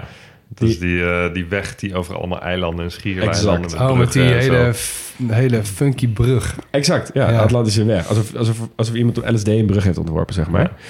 Het is echt briljant stukje snelweg. Het is maar 8 kilometer, maar het gaat over allemaal vissersdorpjes en eilandjes. En het glooit en vliegt en gaat alle kanten op. En heeft ook de titel Noorse constructie van de eeuw gekregen. En eh, Oh. allerlei eh, reisinstituties en The Guardian en zo hebben het ook dat de beste roadtrip ooit uitgeroepen. En uiteraard een hele populaire plek voor autofabrikanten om autofilmpjes te maken. Oh, Zo, ja, Voor de reclames. ja. Ja, Mag ik nog een eh, nominatie indienen voor eh, mooiste constructie in infrastructureel opzicht? ja, Die Lerdaal-tunnel. ja, ja. ja, ja. De langste langs de tunnel. autotunnel ter wereld, 24 kilometer. Ja, Maar die is ook super vet verlicht. Kijk, meestal zijn tunnels gewoon saai. saai, donker, lelijk. Gevaarlijk. Maar je hebt daar dus om de 6 kilometer een, een ruimte uitgehakt... eh, waar kunstmatig daglicht eh, schijnt en allemaal, allemaal mm, ja, Oh. mooie... Ja, het ziet er echt super vet uit. Maar echt even om de 6 kilometer, dan Ja. is hij wel lang ook. Ja, ja, 24 kilometer. Oh, oké. ja. Ja. en dan word je dus als, eh, als, als bestuurder word je wakker gehouden in die ruimtes eigenlijk. Ja, Dus, ja, ze doen dat ook wel goed. Niet En, En s'nachts heb je trollen daar. Ehm, ja, en dan eh, tenslotte, ehm, in plaats van dat ze met de auto door een tunnel gaat en over bruggetjes rijden, moet je eigenlijk met de trein. Daar staat Noorwegen natuurlijk ook wel echt bekend om. Eh, en daarvan de allerbekendste is misschien de Bergen Line. Ehm, dat is de meest populaire en ook echt meteen schilderachtige treinreis. Eh, door berglandschap, eh, door een vallei, door gletsjers en dan richting bergen. En je komt dus met de trein langs het hoogste punt van Noorwegen. Wat ik best wel vet vind. Want Oh, vaak kom je dan wow, met een ja. trein langs het hoogste Ja. punt. Ehm, en waar deze treinrit bekend van is, is omdat de Noorse omroep NRK de hele reis heeft gefilmd en zonder onderbreking live heeft uitgezonden. En dit was de start van het zogenaamde Slow TV. Oh, Dit was de eerste live Slow TV-uitzending ooit. Weet je hoeveel mensen keken naar die, eh, naar die treinreis? het zal miljoenen geweest zijn. 1,2 miljoen mensen. Zo. In Noorwegen. Ja, dan gewoon überhaupt 1,2 veel. miljoen mensen keken naar die, Oh, ja. eh, ja, die Noorse omroep. Ik weet niet of jij NRK Nee, principe ontvangt niet, hier, maar... het is wel veel. Ik vind dat iets voor jou nu, eh, Huug. ja, nou, Slow Real TV. Way is wel, eh wel Ja, jij vindt het wel mooi. Ja, ja, Ja, ik vind het ja. wel mooi. Klopt, ja. Als je bejaard bent, kan je natuurlijk ook nog gewoon lekker in zo'n, op zo'n cruise. Hè. Ja, je kan zeker nog op zo'n cruise. Die, die fjorden liggen echt bomvol met cruiseschepen. Zo, altijd. inderdaad. Ja, die zijn net als de, de soort van die oorlogsschepen uit de Tweede Wereldoorlog. Elke keer als je een fjord ingaat, dan zie je in één keer weer drie of vier van die nieuwe cruiseschepen. Ja, Het is inderdaad echt populair. Ja. Heel slecht voor het milieu. ja. En een beetje jammer voor het uitzicht. En het jammer voor de uitzicht. Ehm, over het milieu gesproken. Ja, bruggetje, bruggetje. Eh, we moeten het even hebben over de economie. En dan gaan we het natuurlijk hebben over olie. Want eh, daar kennen we Noorwegen van. Daar is Noorwegen groot mee geworden. En vooral echt steenrijk mee geworden. Ja. En dat is het lang niet altijd geweest. Halfwege de 20e eeuw was het, ehm, ja, had het een beetje een vergelijkbaar ontwikkelingsniveau als Spanje en Griekenland. Alleen was het pokkenkoud. Dus gewoon geen plek waar je wilde zijn. Ehm, maar goed, eh, toen er olie en gas werd gevonden in de Noordzee, eh, heeft het land echt gigantisch veel geld verdiend. Ehm, in de jaren 70 was Noorwegen de grootste olieproducent per hoofd van de bevolking. En ook nu eh, staat het heel hoog in het lijstje. Er zijn maar vier landen ter wereld die meer olie produceren per hoofd van de bevolking. Weten jullie welke? Saudi-Arabië alsnog? Ja. Alsnog, hè? Alsnog, terwijl Ja. daar 30 miljoen mensen wonen. ja. Kuwait of zo? Ja, Kuwait staat op één. En Qatar dan niet, denk ik. Qatar wel. Toch wel. Ja. Ja. En al behandeld, De Verenigde Arabische Emiraten. inderdaad. Ja. Nou, op veel plekken kun je spreken van een olievloek in de wereld. Ehm, we hebben vorige week Congo behandeld. Daar ging het dan niet zozeer om olie, maar om grondstoffen. Maar daar zie je het wel gebeuren. De Ze noemen dat toch de Dutch disease? de Dutch disease. Ja, zo heb ik dat geleerd op mijn dat studie. Ja, Oh. je, dingen die je, dat je vindt en dat je je geld verkwanselt ongeveer. Zeg maar. Ja, ja, precies. Nou ja, goed. De, de fonds van olie zorgt gewoon heel vaak voor negatieve bijeffecten. Ja. Oorlog, uitbuiting. ehm, de winst belandt vaak bij een heel klein deel van de bevolking. En eh, in de golfstaat is bijvoorbeeld ook de tactiek van eh, belastingen verlagen, geld uitgeven aan allerlei megalomale dingen die je helemaal niet nodig hebt. Ja. Maar ja, dat is wat er gebeurt. Skihallen en pretparken. Ja, Ja, een hele andere uiterste is Venezuela, denk ik. Ja, ja precies. Ja, nou daar wordt het ook compleet verkwanseld. Ehm, en in Noorwegen hebben ze het heel anders aangepakt. Ehm, ondanks de olieinkomsten heeft Noorwegen namelijk een van de hoogste belastingen ter wereld. Dus ze hebben de belastingen zeker niet verlaagd. In ruil daarvoor heeft Noorwegen een enorme verzorgingsstaat opgebouwd. Ehm, de inkomensgelijkheid is daardoor heel groot. Onderwijs is gratis. Zorg is goed toegankelijk voor iedereen. En nou, dat heeft succes, want die lijstjes, Noorwegen staat overal hoog, gelukkig, et cetera. Nou, Met de oliewinsten doet Noorwegen sinds de jaren 90 iets heel anders. Het wordt geïnvesteerd in een investeringsfonds. Alle winsten komen daar terecht. En dat is eigenlijk een soort grote nationale spaarpot, een soort aandelenportefeuille van de hele bevolking. En er zit inmiddels echt een gigantisch bedrag in. Ja. Meer dan duizend miljard dollar. Dat is ruim twee ton in dollar per persoon. Dus eh, voor iedere Noor zit er twee ton in dat fonds. Dat is echt, waanzin. Ja.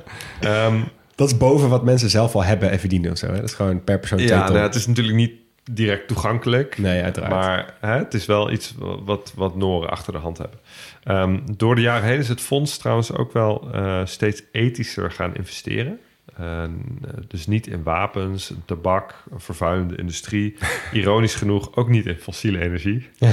Ehm, onlangs hebben ze zich ook kritisch uitgelaten over de, de bonuscultuur bij grote multinationals. Ehm, eh, en dan hebben ze bij bedrijven waarin ze investeren bijvoorbeeld ook geëist dat ze een goed klimaatplan hebben. Hm. Anders eh, trekken ze zich terug, verkopen ze hun aandelen in die bedrijven. Ja, ze hebben zoveel macht als je Ja, zoveel ja. geld hebt. Ja, ze zijn toch echt allemaal Europese hoofdsteden aan het opkopen en zo, toch? Ja, vastgoed, is dat weer een andere? Dat, is, dat heb ik ook wel eens gelezen, nou, zoiets. Nou, ze investeren echt in van alles. Het is een hele brede portefeuille, juist om, om risico's te spreiden. Ehm, maar goed, het is, het is misschien ook wel een beetje hypocriet dat ze zulke ethische eisen stellen. Want ja, Noorwegen zelf blijft voorlopig volop naar olie boren. Ja. Maar goed, het is, het is, ja, ze hebben op die manier toch wel een positieve invloed. Beter dan veel andere oliebedrijven in ieder geval. Het bijzonderste aan dit fonds is misschien nog wel dat er niet geïnvesteerd mag worden in bedrijven uit Noorwegen. Ja, Huh? om te spreiden. Ja, dat doen ze expres, omdat het fonds eigenlijk juist bedoeld is voor het geval dat de Noorse economie instort. Ja, En dan wil je dus, Niet in je eh, eigen mensen zitten. Precies, dan ja. wil je dus wedden op andere paarden. Ja. Ja, dat is echt slim. Die Noorden echt, eh, die kunnen wel wat. ja best wel wat. Ja. Zelf hebben ze trouwens helemaal geen olie en gas nodig voor de energievoorziening. Want Nee. ze zijn volledig eh, op waterkracht reizen. Ehm, ook elektrische auto's zijn in Noorwegen super populair. Er is geen land ter wereld met meer elektrische auto's per hoofd van de bevolking. Tuurlijk. Tuurlijk. Ehm, bijna alle nieuwe auto's die op dit moment worden verkocht zijn elektrisch. Nou, Dat is insane, want dus, als je dus bedenkt dat dus alle nieuwe auto's allemaal draaien op groene energie, want het is allemaal Ja. groen. ja. Ja. Dat het Ja. hele land stoot gewoon vrijwel Ja, niks dat uit. is echt giga. En een land dat zoveel olie heeft, maakt dus blijkbaar niet zijn benzine gratis. Wat al die andere landen wel doen. Nee, klopt. Ja. dus dan- dat is relatief maakt- duur. Dan, is het dus wel, dan Ja, loont het dus ze wel om ook andere auto te gaan kopen. Ja, klopt. Ja.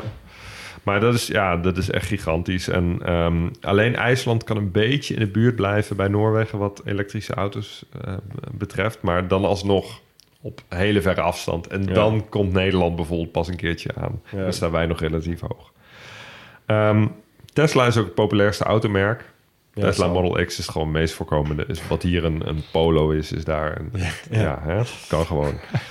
Ehm, nou, tot slot, wat ook wel heel bijzonder is aan de Noorse economie. Het salaris van iedere inwoner is openbaar. Dit is zo ziek vet. Vroeger werd dat gewoon opgeschreven in boeken die gewoon in de bibliotheek stonden. Dus dan stond er bijvoorbeeld in, in de bibliotheek van de stad waar wij wonen... stond een boek waar ik precies kon zien wat jullie verdienden. Ehm, ja, daar werd heel veel waarde aan gehecht, eh, aan, aan zulke transparantie. Ehm, eh, tegenwoordig staat het gewoon online. Dus dat is, is nog steeds zo. Ehm, het ligt misschien niet zo gevoelig als bij ons, want in Noorwegen heb je, is, bijna alles vastgelegd in een CAO. Dus er is in die zin minder ongelijkheid. Dus ook, Ja. nou, het, het, geldt vooral, het is vooral als middel om te controleren of iemand wel zijn belastingen betaalt. Ja, Ja, ja. Niet zozeer om, om nou eens te kijken van... oh, verdien jij niet meer dan ik? Want dat weet je als het goed is al wel van elkaar. En dat je ook niet je collega kunt gaan checken of die ziek goed onderhandeld heeft met je baas of zo. Nee, Nee, dat verdient precies. Nou, dat, dat kan dus wel en dat zal ook echt wel voorkomen.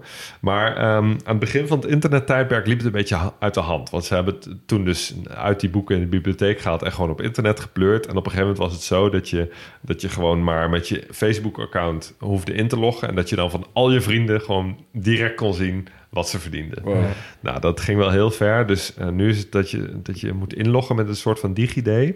En dan kan je ook zien wie om jouw gegevens heeft gevraagd. Oh ja, Dus dat is een, beetje, ja, een beetje zoals LinkedIn, dat je, dat je niet zomaar... eh, ehm, Van Jan en allemaal op vrijdagmiddag. Precies. Dat je eerst gaat tinderen en dan gaat kijken wat ze verdient. Ja, nee, precies. Dus dat, eh, eh, dat, dat gebeurt niet meer. Maar toch, het is nog steeds eh, van iedereen op te vragen. Tot en met de koning aan toe. Ja, ja ik Eh, heb gelezen dat ze dat ook heel erg doen. Omdat je kan niet alleen zien wat iemand verdient, maar ook wat iemand aan belasting betaalt. Ja, dus. dat is de voornaamste, ja, precies. Omdat je dus dan eh, witwassen en belastingfraude Ja. en zo allemaal tegengaat. Omdat ja, als iemand in één keer Ja. in het soort eh, in, een, in, in een Tesla Model X rijdt, nou dan rijdt iedereen daar in een Tesla Model X. Slecht voorbeeld. Als iedereen in vijf Tesla Models X rijdt, ik, wacht even jouw inkomen. Ik kan het even checken, ja, precies. En dat is natuurlijk ook belangrijk. Hè? In een land waar belastingen zo hoog zijn, eh, daar wil je wel dat iedereen zich Ja, want ze hebben vanaf 40% belasting of zo, of nog hoger zelfs, tot en met echt 60, 70% of zo. Volgens mij hebben ze wel schijven, maar het is, het is inderdaad echt Ja. eh, het is hoog. Ja. Ja, dat ze altijd meteen weer terugpompen die, eh, die economie in. En daarom is die infrastructuur en alles ook allemaal zo fantastisch. ja, Ja, ja, ja. Ja, makes sense.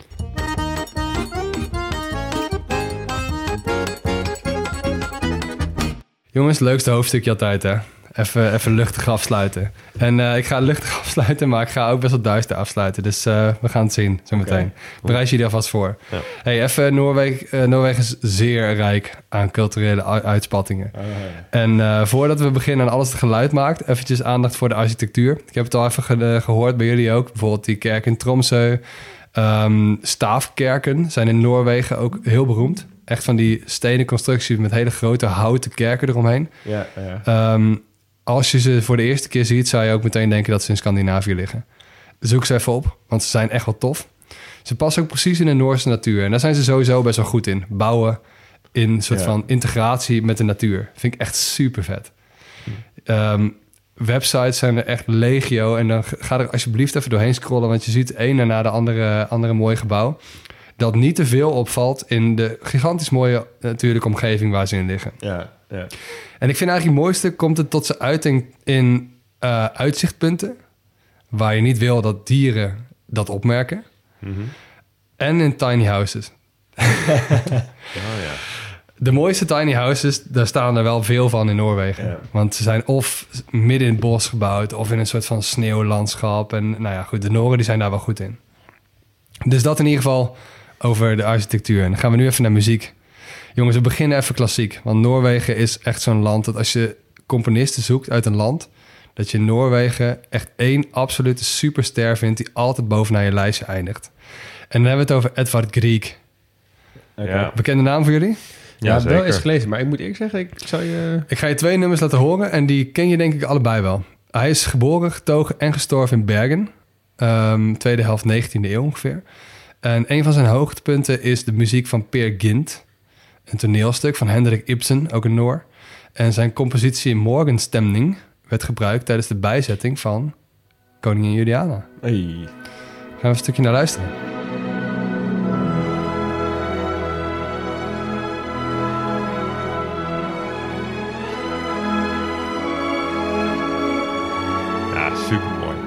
Ook inderdaad echt wel de meest toegankelijke klassieke muziek die er is, denk ik. Ja, Dat is wel echt, gewoon eh, altijd wat ze toch eh, laten horen op het moment dat jij eh, in de lente opstaat en dan de zon Ja. schijnt en de gordijnen gaan open en dat je dan dit muziek... heet Ja, klopt, ja.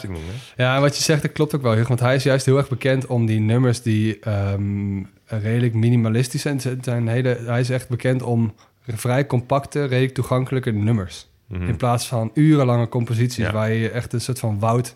waar je weg door moet, moet, moet banen, zeg maar. Ja. Komt ook goed in, eh, tot uiting in een ander stuk uit Peer Gynt. eh, in the Hall of the Mountain King. Denk mijn favoriete stuk van hem. Ik vind het echt heel vet. Komt hij aan.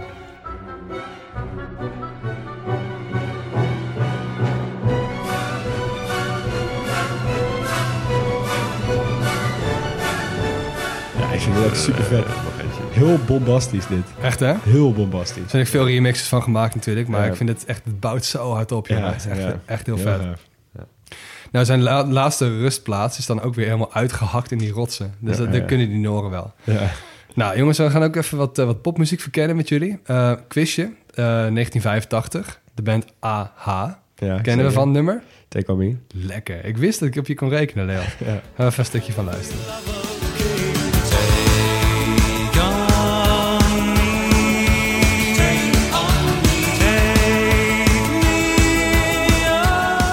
Ik wist helemaal niet dat het Noors was. ja, dat wist ik wel. Ja? Ja, wist Al die ik Scandinavische landen die hebben toch wel één zo'n artiest. Een beetje gewoon ABBA, Aqua, zeg maar, dat soort... eh, Ja. Ah, AH.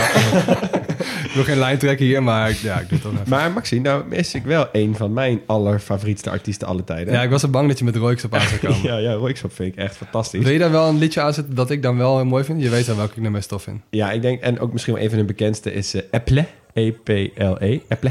En, eh, die klinkt eh, ongeveer zo.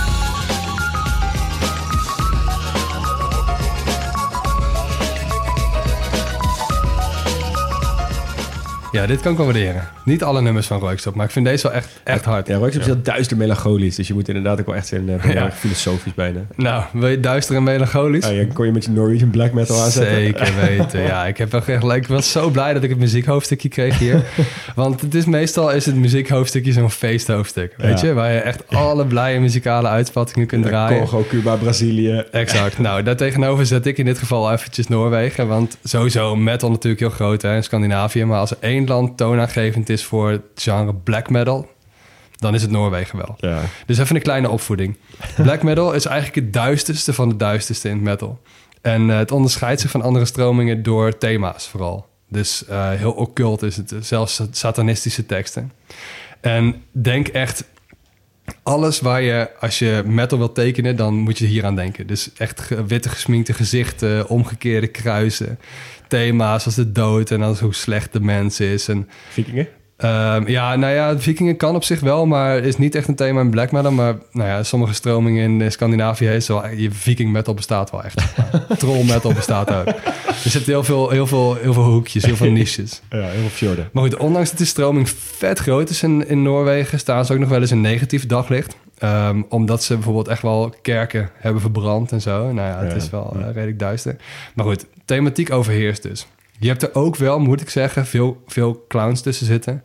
die gewoon willen chockeren. En niet Ja. per se hele pure satanisten zijn, zeg maar. Ja. Mensen mogen het redelijk zelf uitzoeken. Maar goed, qua stijl loopt het dus een beetje uiteen. Maar wat je wel vaak ziet, hele schelle vocals. Dus meer gekrijs dan hele lage grommen. Eh, hele snelle drums en best wel basic gitaarwerk. Dus ik, eh, ik, ik laat even twee nummers horen... en dan kun je even het verschil tussen twee dingen horen. Ik heb hier zin in. Ehm, eentje is eigenlijk iets wat ik... Ik heb best wel lang gezocht en wat ik denk ik... Hier kom ik tot dat ik, eh, als ik gewoon één nummer wil horen... dat de pure essentie van black metal laat horen. ja. En we luisteren even naar Dark Throne. Noorse band met Under a Funeral Moon. Komt Oké. aan.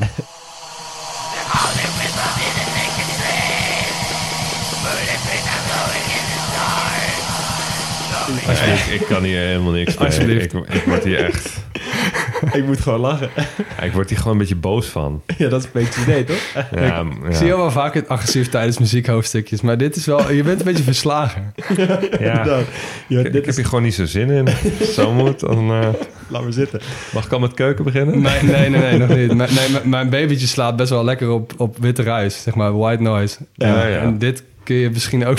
ik heb, Zwarte, zwarte ik heb het nog niet Ja, getest. dat snap ik. Ja. Maar goed, in ieder geval, jongens, ehm, eh, er is wel in die black metal wereld wel iets gaande wat een beetje true Norwegian black metal heet. Dus de nou, bands wedijveren een beetje om van of jij wel de puurste en engste versie be- bent en zo. Maar het genre is ook wel geëvalueerd.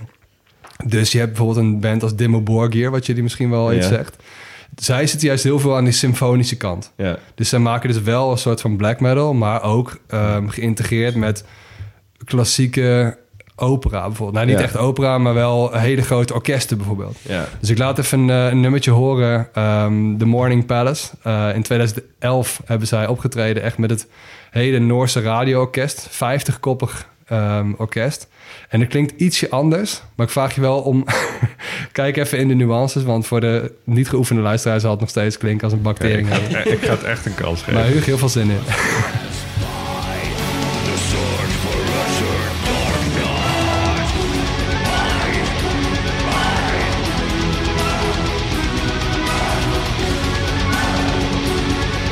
Ja, dit is een wereld van verschil toch wel.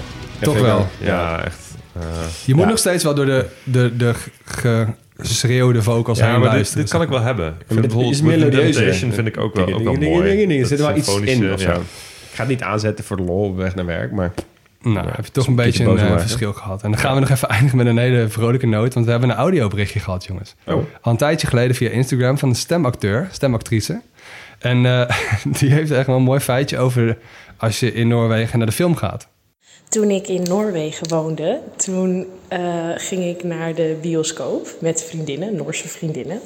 En eh, die zeiden, oh shit, er is alleen maar nog een, een toning met licht aan. En ik dacht, met licht aan? Hoezo bedoelen jullie dat nou? Nou, wat was het nou? Je kan daar dus kiezen tussen, nou ja, een film kijken in het donker, maar ook gewoon met het licht aan. Waarom? Als je dan de bioscoopzaal inkomt, dan is iedereen aan het breien.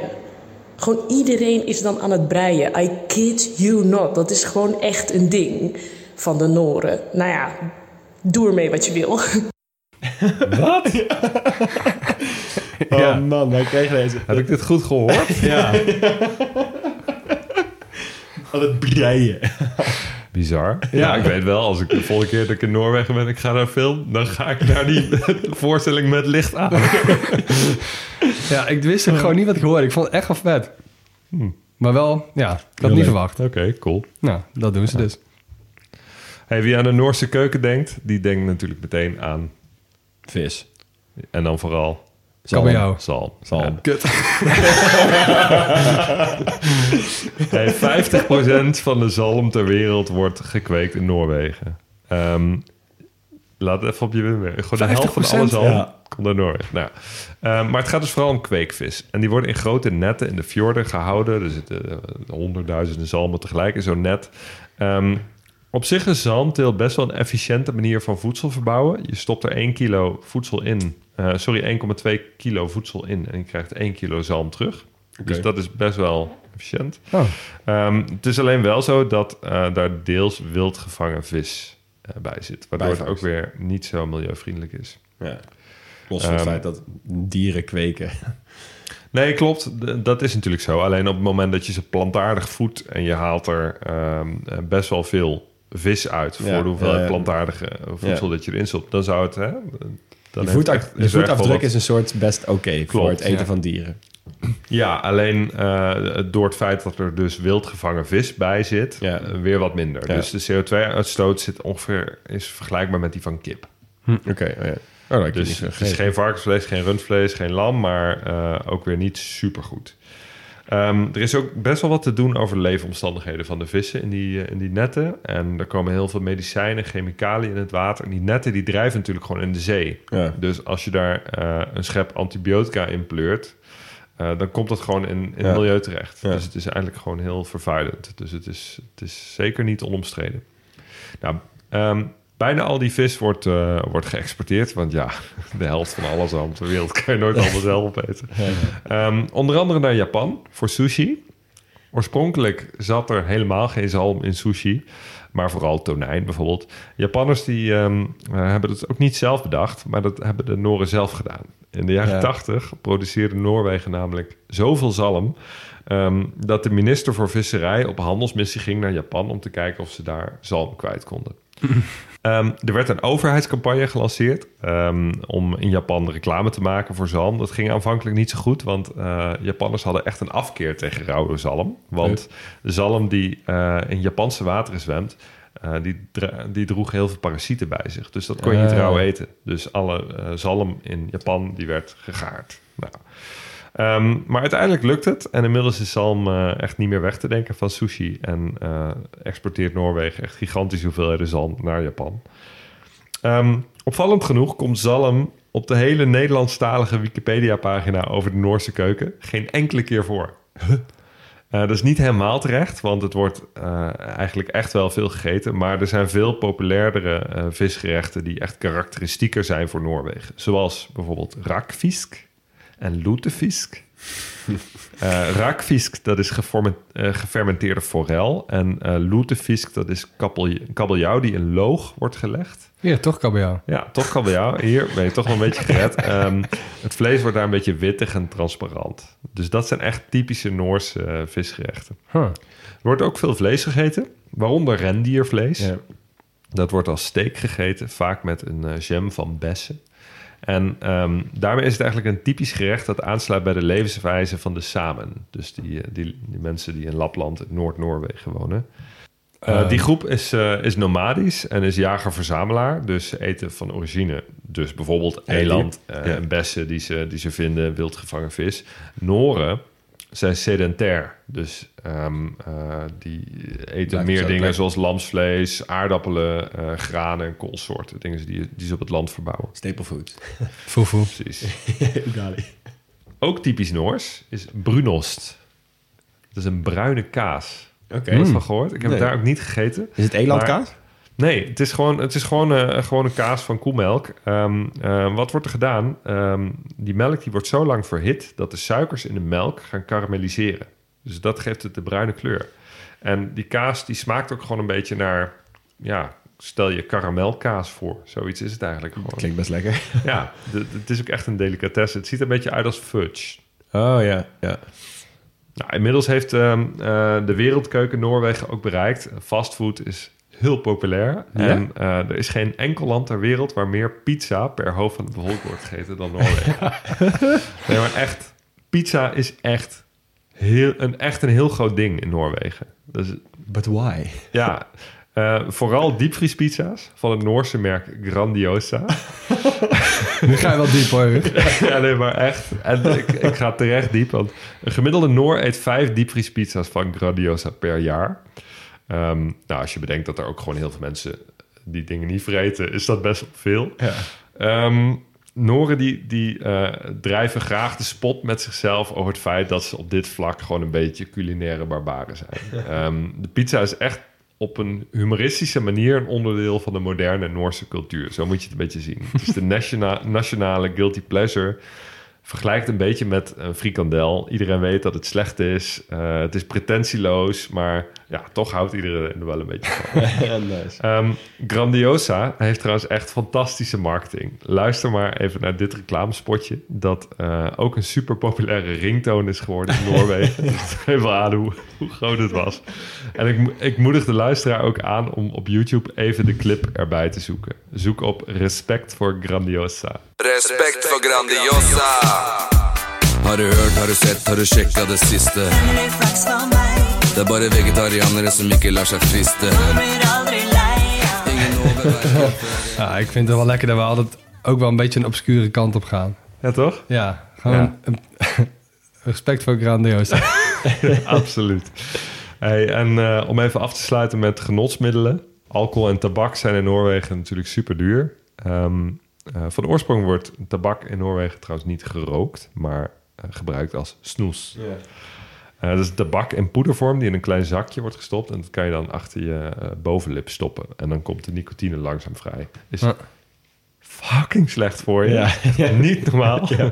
Ehm, dus ook verboden in de Europese Unie. Behalve in Zweden, want daar wordt het ook gebruikt. En die hebben toen ze toetraden tot de Europese Unie gezegd van... oké, maar dan willen we uitzondering voor het gebruik van snoes. Zo. Ehm, en ehm, eh, het is niet iets van... eh, niet zoiets als pruimtabak, wat oude mannetjes vroeger gebruikten. Maar eh, ehm, in Noorwegen gebruiken nu meer mensen snoes dan dat mensen roken. Ja, Dus het is ook heel ja, ja. populair ook weer onder jonge lui. ja. Het is in Nederland ook steeds groter aan het worden, hè? Dat is echt, Hoe kan het nou? ja, maar goed. bizar toch? Nou, laatste hoofdstukje. Oké, quizje. Eh, meer zomer of meer winterspelen medailles? Eh, ik ga gewoon voor winter. Ik ga voor zomer, want er is meer te halen. Het is, het is winter. Tweeënhalf keer zoveel ongeveer. Ehm, ze doen het in de zomerspelen, doen ze het op zich ook best lekker. Eh, zeilen en eh, schietsport en atletiek hebben ze een paar gouden medailles mee, mee gehaald. Maar in totaal 62 goud. En in de windspelen is het 148 keer goud. Eh, en daarmee staan ze dus eerst op de ranglijst van alle landen van de windspelen. Dan moet ik wel zeggen, dan tellen ze, als je Duitsland zeg maar zou samenvoegen, Oost-Duitsland en West-Duitsland als onafhankelijke meedoeners Ja, ja. van de Olympische. Als je die samenvoegt, dan hebben zij 162. Maar toch, hé, 5,5 miljoen mensen. Ja, bizar. Ja. Het is krankzinnig. Insane, insane. Ze zijn dus ook het eh, allerbeste in, eh in biathlon, in langlaufen, in de, de, de Noorse combinatie, uiteraard. Eh, en in schansspringen. Daar hebben ze gewoon de meeste medailles bij gehaald. Ehm, ze zijn niet de beste in eh, eh, ehm, schaatsen. In snelheidsschaatsen, speedskating. Want dat is, Nee, dat zijn wij. dat zijn wij. Ze hebben natuurlijk wel... Zijn eh, ook ongeveer de enige medailles die wij halen. ja, ongeveer wel. Nou, ze hebben natuurlijk wel Johan Olaf Kos, de grote bekende eh, schaatser. Maar eigenlijk zijn hun bekendste ehm, sporters eh, allemaal wintersporters. Eh, je hebt Marit Björgen, die heeft acht goud, vier zilver en drie brons gewonnen met uh, langlaufen. Je hebt, je hebt Björn Dalen. Jij Mm, kwam zo, net al. ja. Die het biathlon heeft hij ook acht goud en vier zilver gehad. Die is ook al vet oud, toch? Nou, dat valt dus best wel mee. Hij is in 2014 heeft hij voor het laatst meegedaan. Dus, dus op zich Oh. valt het mee. Je hebt een wat oudere, eh, die heet Björn Dali. Die heeft zo'n AE in ja, één Björn letter. ja. Die Björn Daly. Die heeft ook acht goud en vier zilver. Moet je nagaan. Dat is echt eh, bizar goed. Eh, dus en daarna komt pas ons Irene Wust. Als, eh, ja, met, met medailles. Eh, nee, dus die doen het heel goed op de Olympische Spelen. Je hebt natuurlijk ook die fantastische schans in Oslo staan. Die, eh, eh, die ja, staat, wat staat die? Een paar kilometer buiten de binnenstad Ja, van Oslo. gewoon een Je soort kan van een afstand kwart zien. Eiffeltoren of zo. Ja. Maar dat, is wel Schiet zo gewoon uit de echt grond. vet. Ja, Maar het fantastisch. is bizar, hè? want al die lijstjes met, met medaillespiegels, dat gaat allemaal om absolute aantallen. Ja. En, eh, niet per hoofd van de bevolking. Nee. En er wonen er 5,5 miljoen mensen in. Ja, Niet normaal. ja, inderdaad. Ja. Eh, het is ook een van de drie landen die meer medailles bij de winterspelen dan bij de zomerspelen heeft gewonnen. Ja. Welke andere twee? Finland? Nee. Deze is best lastig Zweden? denk ik dit. Nee. Meer bij de winter dan bij de zomer. Meer dan winter bij de zomer. Canada? Nee, er zijn maar drie landen ter wereld die dat hebben. En we hebben ze niet genoemd. Nee, Wat is dan een ze zijn wel buurlanden. Maar is het dan... Oostenrijk, Oostenrijk is goed. Liechtenstein. Liechtenstein is goed. Oh ja. Flauw. Noem het flauw. Ehm, we nemen afscheid van de wintersport. We gaan door naar een andere sport die op dit moment midden in de aandacht staat. Vanwege een internationale rel, vanwege vals spelen. Weet jullie waar ik over heb? Ja, dat weet ik zeker, ja. Het gaat over Magnus Carlsen. Oh ja. Carlsen, vijfvoudig wereldkampioen schaken. Ehm, hij heeft eh, vrijwillig afstand gedaan van die eh, titel, omdat eh, hij zei dat zijn tegenstander... oh nee, hij heeft een ge- gebrek aan motivatie. Hij had gezegd dat een tegenstander van hem had vals gespeeld en hij had er gewoon even geen zin meer in. Eh, sinds 2013 heeft hij alle partijen om een wereldtitel gewonnen. En hij wordt ook wel gezien als de beste schaker ooit. Hij werd de Mozart of chess genoemd, omdat hij vanaf zijn 19e nummer 1 van de wereld is geweest en vanaf zijn 23e wereldkampioen. En daarna dat gewoon niet meer heeft opgegeven. Echt vrij vet. Ja. Ehm, en wat vet is, hij is eh, model geweest voor G-Star Raw. Ja. Dat zou je toch niet bij hem denken, toch? Tussen al die eh, actrices en zo, dat hij dan een Ja, model Nee, maar hij is wel een soort van rockstar, eh, rockster van de, van de schaaksport. Een rockstar Ja. van de schaaksport. Het is geen, ja, en wat leuk is voor... niet zo'n typische nerd. Nee, nou, als, als je ons nerd vindt, wel, ik wil het ja. zeggen. Wat, wat leuk is, ook aan hem, eh, hij heeft als kind kende hij dus alle landen ter wereld en de hoofdstad, populatie en vlag uit zijn hoofd. Zo. Als iemand zijn nummer heeft, beter gaan we special maken met Ja, hem. inderdaad. Nou, dan nog iemand anders met wie ik ook persoonlijk veel heb. Dat is namelijk de wielrenner Thor Hushoft. Sowieso een goede naam. Eh, toch wel de grootste Noorse wielrenner aller tijden. Kijk ook even naar jou, Huug, denk ik. Ja, ik kan inderdaad geen grotere bedenken. Nee, hij heeft eh, tussen 2006 en 2011 in elke Tour de France een, eh, een etappe gewonnen. En hij heeft een tijdje gele trui gedragen. En hij is natuurlijk wereldkampioen geworden in Melbourne. Oh ja. Nou, waarom ik met, veel met hem heb, in, in- ik fiets zelf ook wel. En in, onder mijn fietsvrienden word ik ook wel eens de Huzoft genoemd. Hij is net zo lang en net zo zwaar als ik ook, precies. Dus het is... eh, Maar jij was en- toch ook fan van Edvald Boasson Hagen? Ja, maar dat is een Deen, toch? Dat is, dat is ook een Noord ook een trouwens. Ja, ja, oh ja. Maar toch, als je gewoon goed wil worden in een sport en je wil een soort van onoverwinnelijk, dan helpt het ook wel als je gewoon Thor heet. toch? Thor. Ja, ja. Sowieso wel goede voornamen, veel van die sporters. Ja. Eh, waar ze overigens niet zo heel goed in zijn, is voetbal. Ehm, ze hebben maar vier keer meegedaan. Drie keer in de WK en één keer in de EK, in internationale toernooien. Dus dat Hm. valt mee. Eh, ze hebben wel natuurlijk wat bekende sporters. Eh, ik noem een John Arne Riese. Ik noem een eh, Martin Ødegaard. En ik noem een Ole Gunnar Solskjaer. Ja. Heel bekend in Engeland natuurlijk.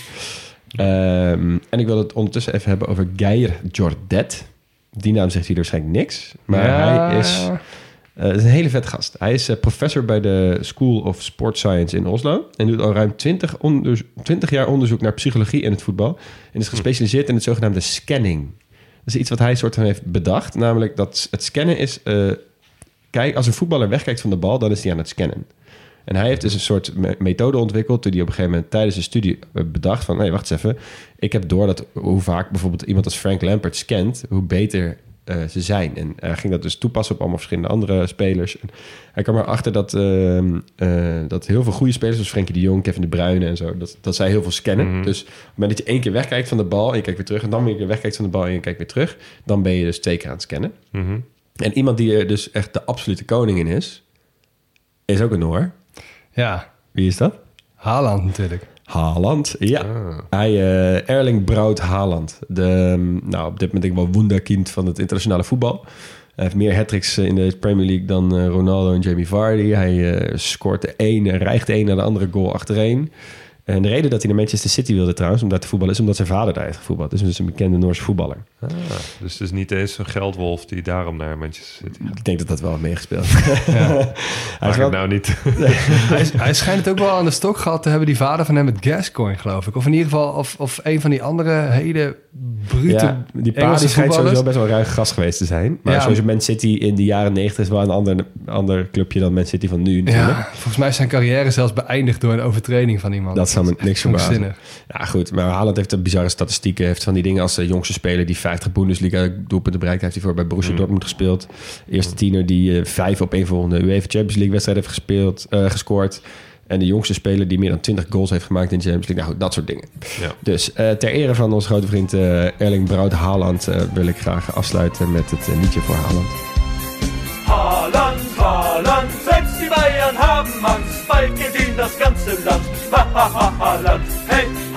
Oh, ik had echt niet gedacht dat ik aan het eind van de aflevering zo blij zou worden hierdoor. Ik weet nog dat we de afgelopen pubquiz, als jij deze ook in de muziekronde. En dat lied zat een, een week lang gewoon in mijn hoofd. Ik werd er zo blij van. En nu gewoon, ja, het is al een beetje verkrachting van die versie, maar toch. Mag, Ja, vervoeren mag het. blij dat ik het weer hoor. Dankjewel. Yes.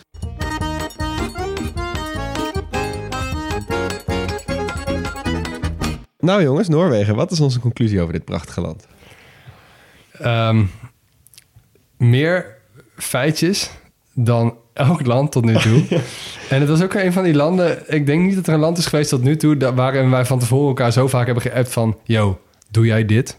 Omdat er gewoon... Er is zoveel wat te vertellen over dit land. Klopt. Ja, maar inderdaad, meer ik heb heel vaak dat ik bij een land wel even, eh, vaak op de laatste dag nog even zoek van fun facts about bla bla bla. Ja, van die automatische sites. Weet nou, dat wel, heb ik bij Noorwegen maar niet gedaan. want Ik dacht, van, ja, daar kom ik nog honderd dingen tegen en ik heb al veel te veel. ja. Ja. Ja. Dus eh, En heel vaak moet je echt op zoek naar thema's. En in Noorwegen dacht van... Oké, ik heb dit, dit, dit, dit. Oké, dan pak ik dit mee en dan ben ik er ook wel. Ik vind het ook wel grappig dat het dus een land is waarbij ik dus een soort van blij ben dat zij degene zijn die de olie hebben gevonden. Als je begrijpt wat ik bedoel. Ja, Als ja, we het dan toch ja, uit de grond moeten trekken en iedereen heeft er dan toch een soort van, eh, van wil naar, dan ben ik blij dat zij het omzetten in iets wat ja, sowieso de Noorse bevolking, maar hopelijk ook het milieu en wat andere mensen ten goede Ja. komt. en dat maakt ze ook wel redelijk uniek. Geldt ook wel een beetje voor de manier waarom ze omgaan met de kwade krachten in de samenleving. Dus Ja. met, met, met criminaliteit, met terrorisme, met gewoon alle openheid Italiaan. en de democratie. Ja, ik vind dat echt wel tof. Ja, Ja. ja, echt een voorbeeld voor de wereld op heel verschillende plaatsen. een Het is wel luxe een soort natuurlijk. van maar- Ja. proeftuin. Ja. Van of, of dingen werken, ja of nee. Ja. Ja, precies. Misschien als je het heel goed doet in je leven, dan reïncarneer je als Noor. ja. ja, en waar gaan we heen dan? Eén dagje. Ehm, Svalbard, Spitsbergen, hands Ja. down. Echt, Ja. daar ga ik echt heen. Ja? Ja, 100%. ik ga naar de Lofoten, denk ik. Dat mag. ik. Want ik ben nooit noordelijker geweest dan het Geirangerfjord. Ja, dus dat echte ruige, kale landschap, dat wil ik nog wel eens zien. Nou goed, dan kan ik net zo goed mee naar Ik Spitsbergen. net zeggen, kijk maar- maar mee. Neem me wel even weer Nee, maar wel mee. echt, echt prachtig zijn. Ja, dat, ja, zeker. Ja, dus dat ga ik doen. Ja, ik weet het gewoon niet. Je gaat toch niet naar Oslo? ik wil net zeggen, als je naar Oslo nee, gaat, dan verbannen je van de podcast. Nee, joh. Overigens Nee. best een leuke stad hoor, maar... Ga je over die Atlantic Road eh, eh, rijden? Nee, ik ga misschien wel gewoon... Ik, ja, ik, ik denk, de Lofoten trekt mij ook wel. Maar het idee van bijna niet noordelijker kunnen dan Spitsbergen... Ja. Ik ga wel naar Spitsbergen. Ja, dan ga je dus met mij mee. Maar, Ja. Of je kan ook naar het hele zuidelijke eiland gaan, het meest afgelegen Naar eiland. Bouvet Island. Ja, Of naar Jan Meijers. Dat Dan lijkt wil me weer geen bal aan. Ik ga kijken of ik Jan kan vinden. ja, dan verban ik je daar wel heen. Nee, Spitsbergen. Oké jongens, daar zijn we weer aan het eind gekomen van deze aflevering. Heel erg bedankt voor het luisteren. Leuk dat je er weer was. En volgende week zijn wij er ook weer.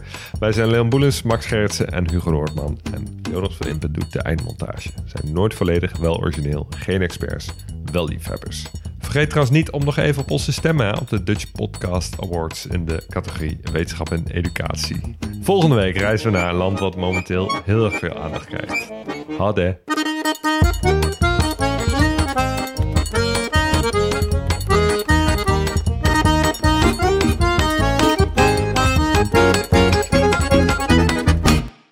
Luisteraar. Luister je nog steeds? Klasse, man. Je hebt er gewoon helemaal afgeluisterd. Nou, nu je tot hier bent gekomen, koop dan ook gelijk even ons boek, hè. grotepodcastlas.nl slash boek.